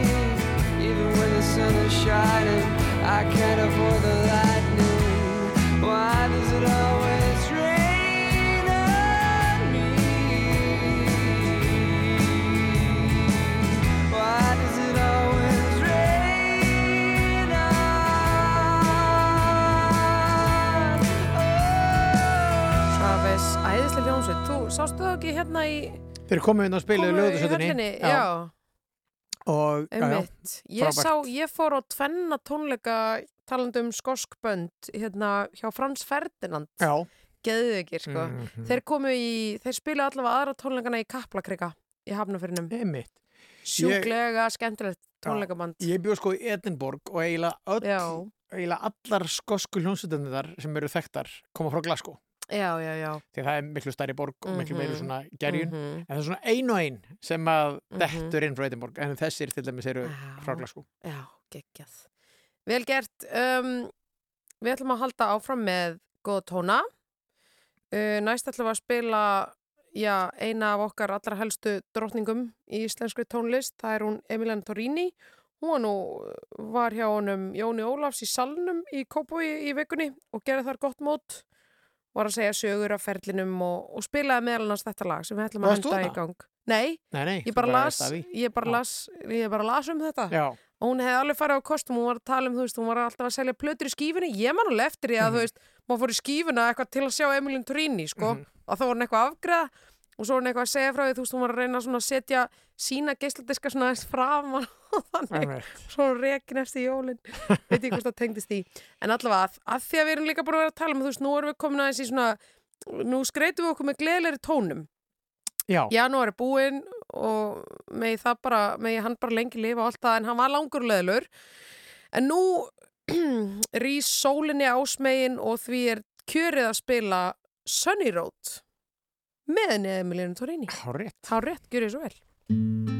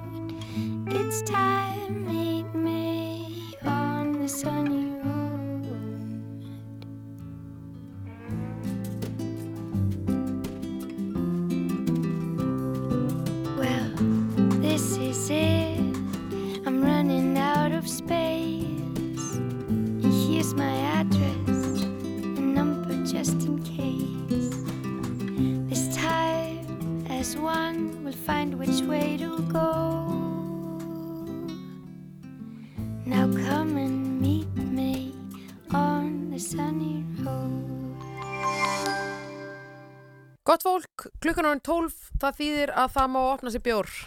Nei, ég segi svona. Búm. Ég segi Þú, svona. eh, já, þetta er, já. Ég er ekki að mæla með því endilega við neitt, þetta er nú bara svona glensa því að það er En svona... sko, þú getur verið að meina áfengislösa bjór, nú er það heyrðu, mjög mikið í tísku. Emmitt, byttu það voru fréttir af því að, að fleiri, æ, fleiri kjósa áfengislausan lífstíl. Já, sko, Eða allavega áfengislausan bjór. ég menn það er, það er búið að vera grein eftir greinum þetta, af því að, af því að allir stæstu bjórframleiðendur heims eru farinir Mhm. að gera 0,0% bjór. Já, já.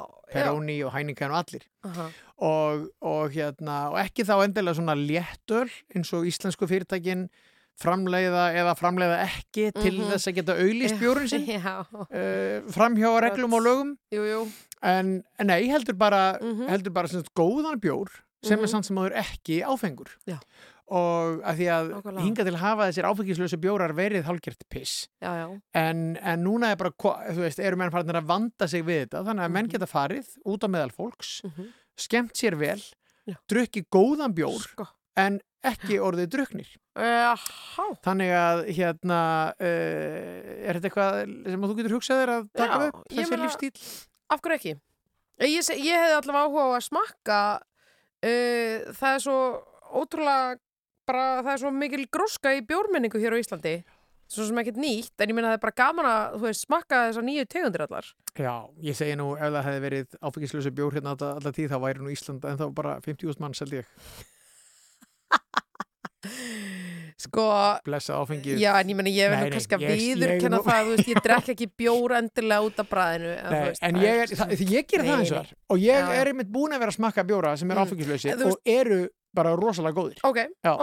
Þannig að ok. þetta er að breytast til eins betra breytast, já, og já. það voru fréttir af því til dæmis að, að þið voru nú að spila skosslag hérna áðan að skoski bruggarinn Brewdog, Já. brugghundurinn góði, Já, það er bara sem að sem sagt, þeir reyka hérna í Reykjavík líka þeir eru færnir að opna eða voru að opna fyrsta staðinn sem er með bara 20 bjóra úrval Mm. allir áfengislausir Já, Já.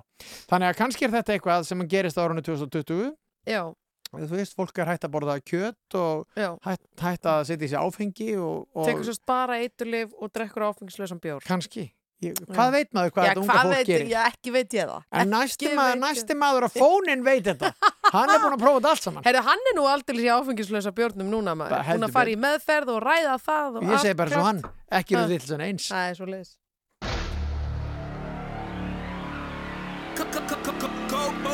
Með skráka með mig það er 203 Maður veit að ég er bestur, ég var ekki byggðum feedback Kópau setur taumi, það er motherfucking klíkan Úrinu mínu og keðinu minni er skýtkart Bönd eins og FIH tek ekki þessa hemd. Og 800 á mig drengur, ég kalla það self-boss Þeir tala um pening sem þeir er ekki fá. Ég fór í Costco, kefti þvótta efn og pening í skáp.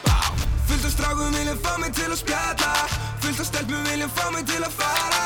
Fullt af fyrirtækjum grafið um samstarf Býða heilsa maður Ekkert vitið sem eins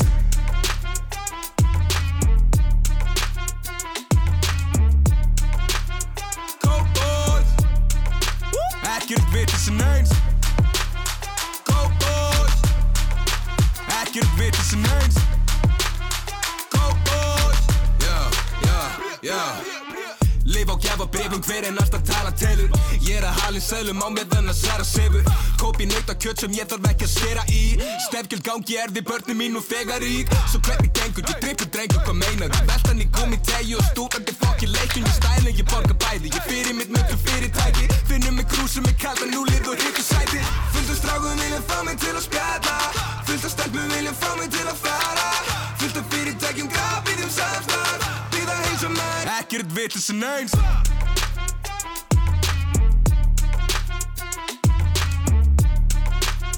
Cowboys Ekkert vitið sem eins Cowboys Ekkert vitið sem eins Cowboys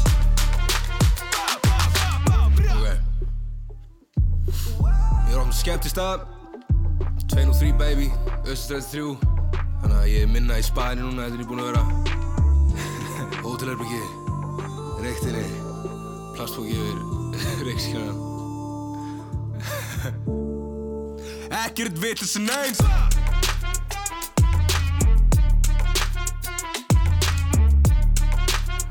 Go boys.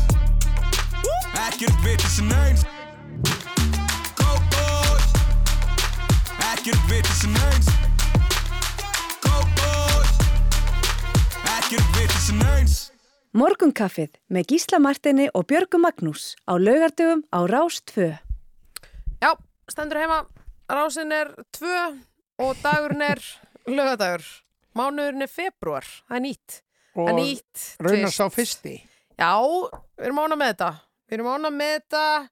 Það er að hre- hressast lundin hér. Já. Herðu, við erum í smá Eurovision gýr. Bara það þetta er eiginlega bara svona komið, það er komið að þessu að einhver leiti, það er komið að þessu Svíþjóð. Það er mellan hefst í kvöld, uh, undankeppni Svíjana. Uh, þar keppir uh, ákveðin maður sem að hefur áður farið.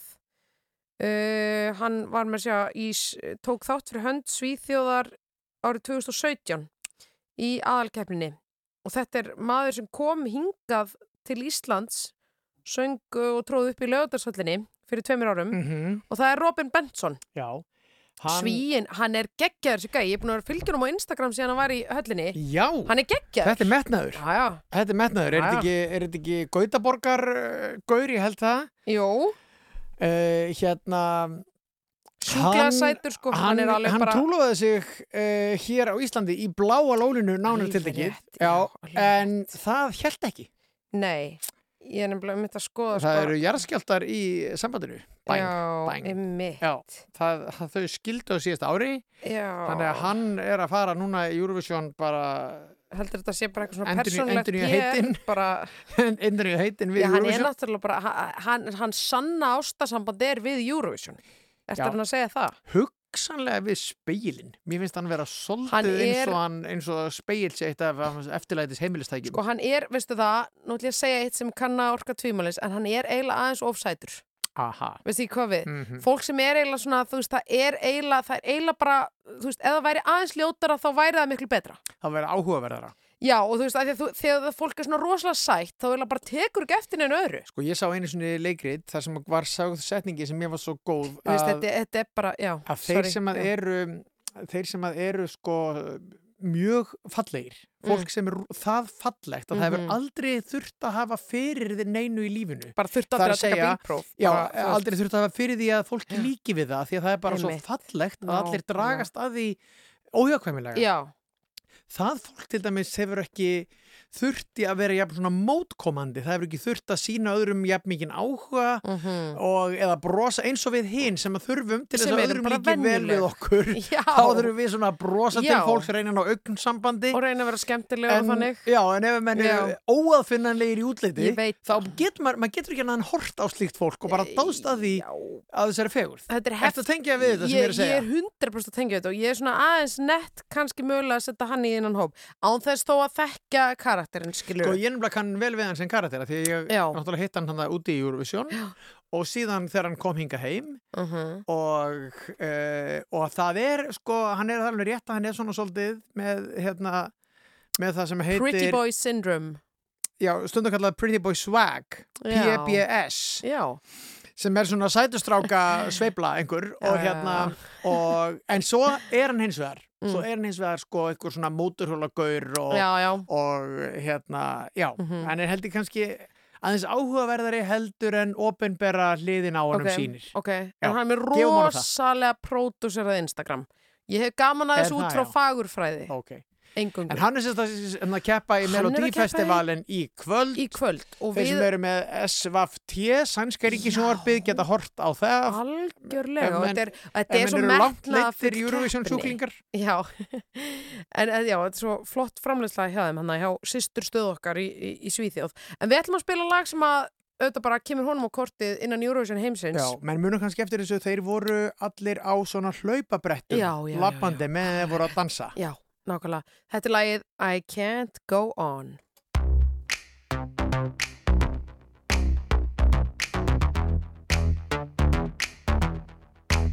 I can't go on. I can't go on.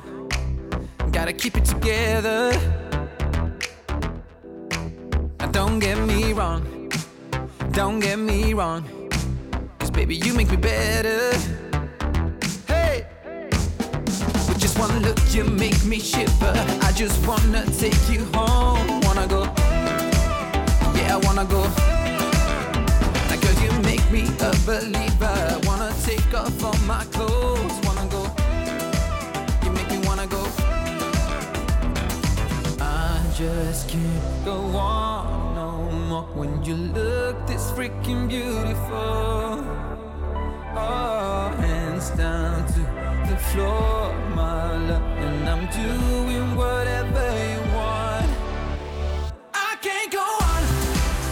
I can't go on when you look this freaking beautiful. I can't go on. I can't go on when you look this freaking beautiful. Whoa. You got me good. You got me good. Not going nowhere. Right in your hood. Now that's understood. But I'ma take you to somewhere. I just can't go on no more when you look this freaking beautiful. Oh, hands down to the floor,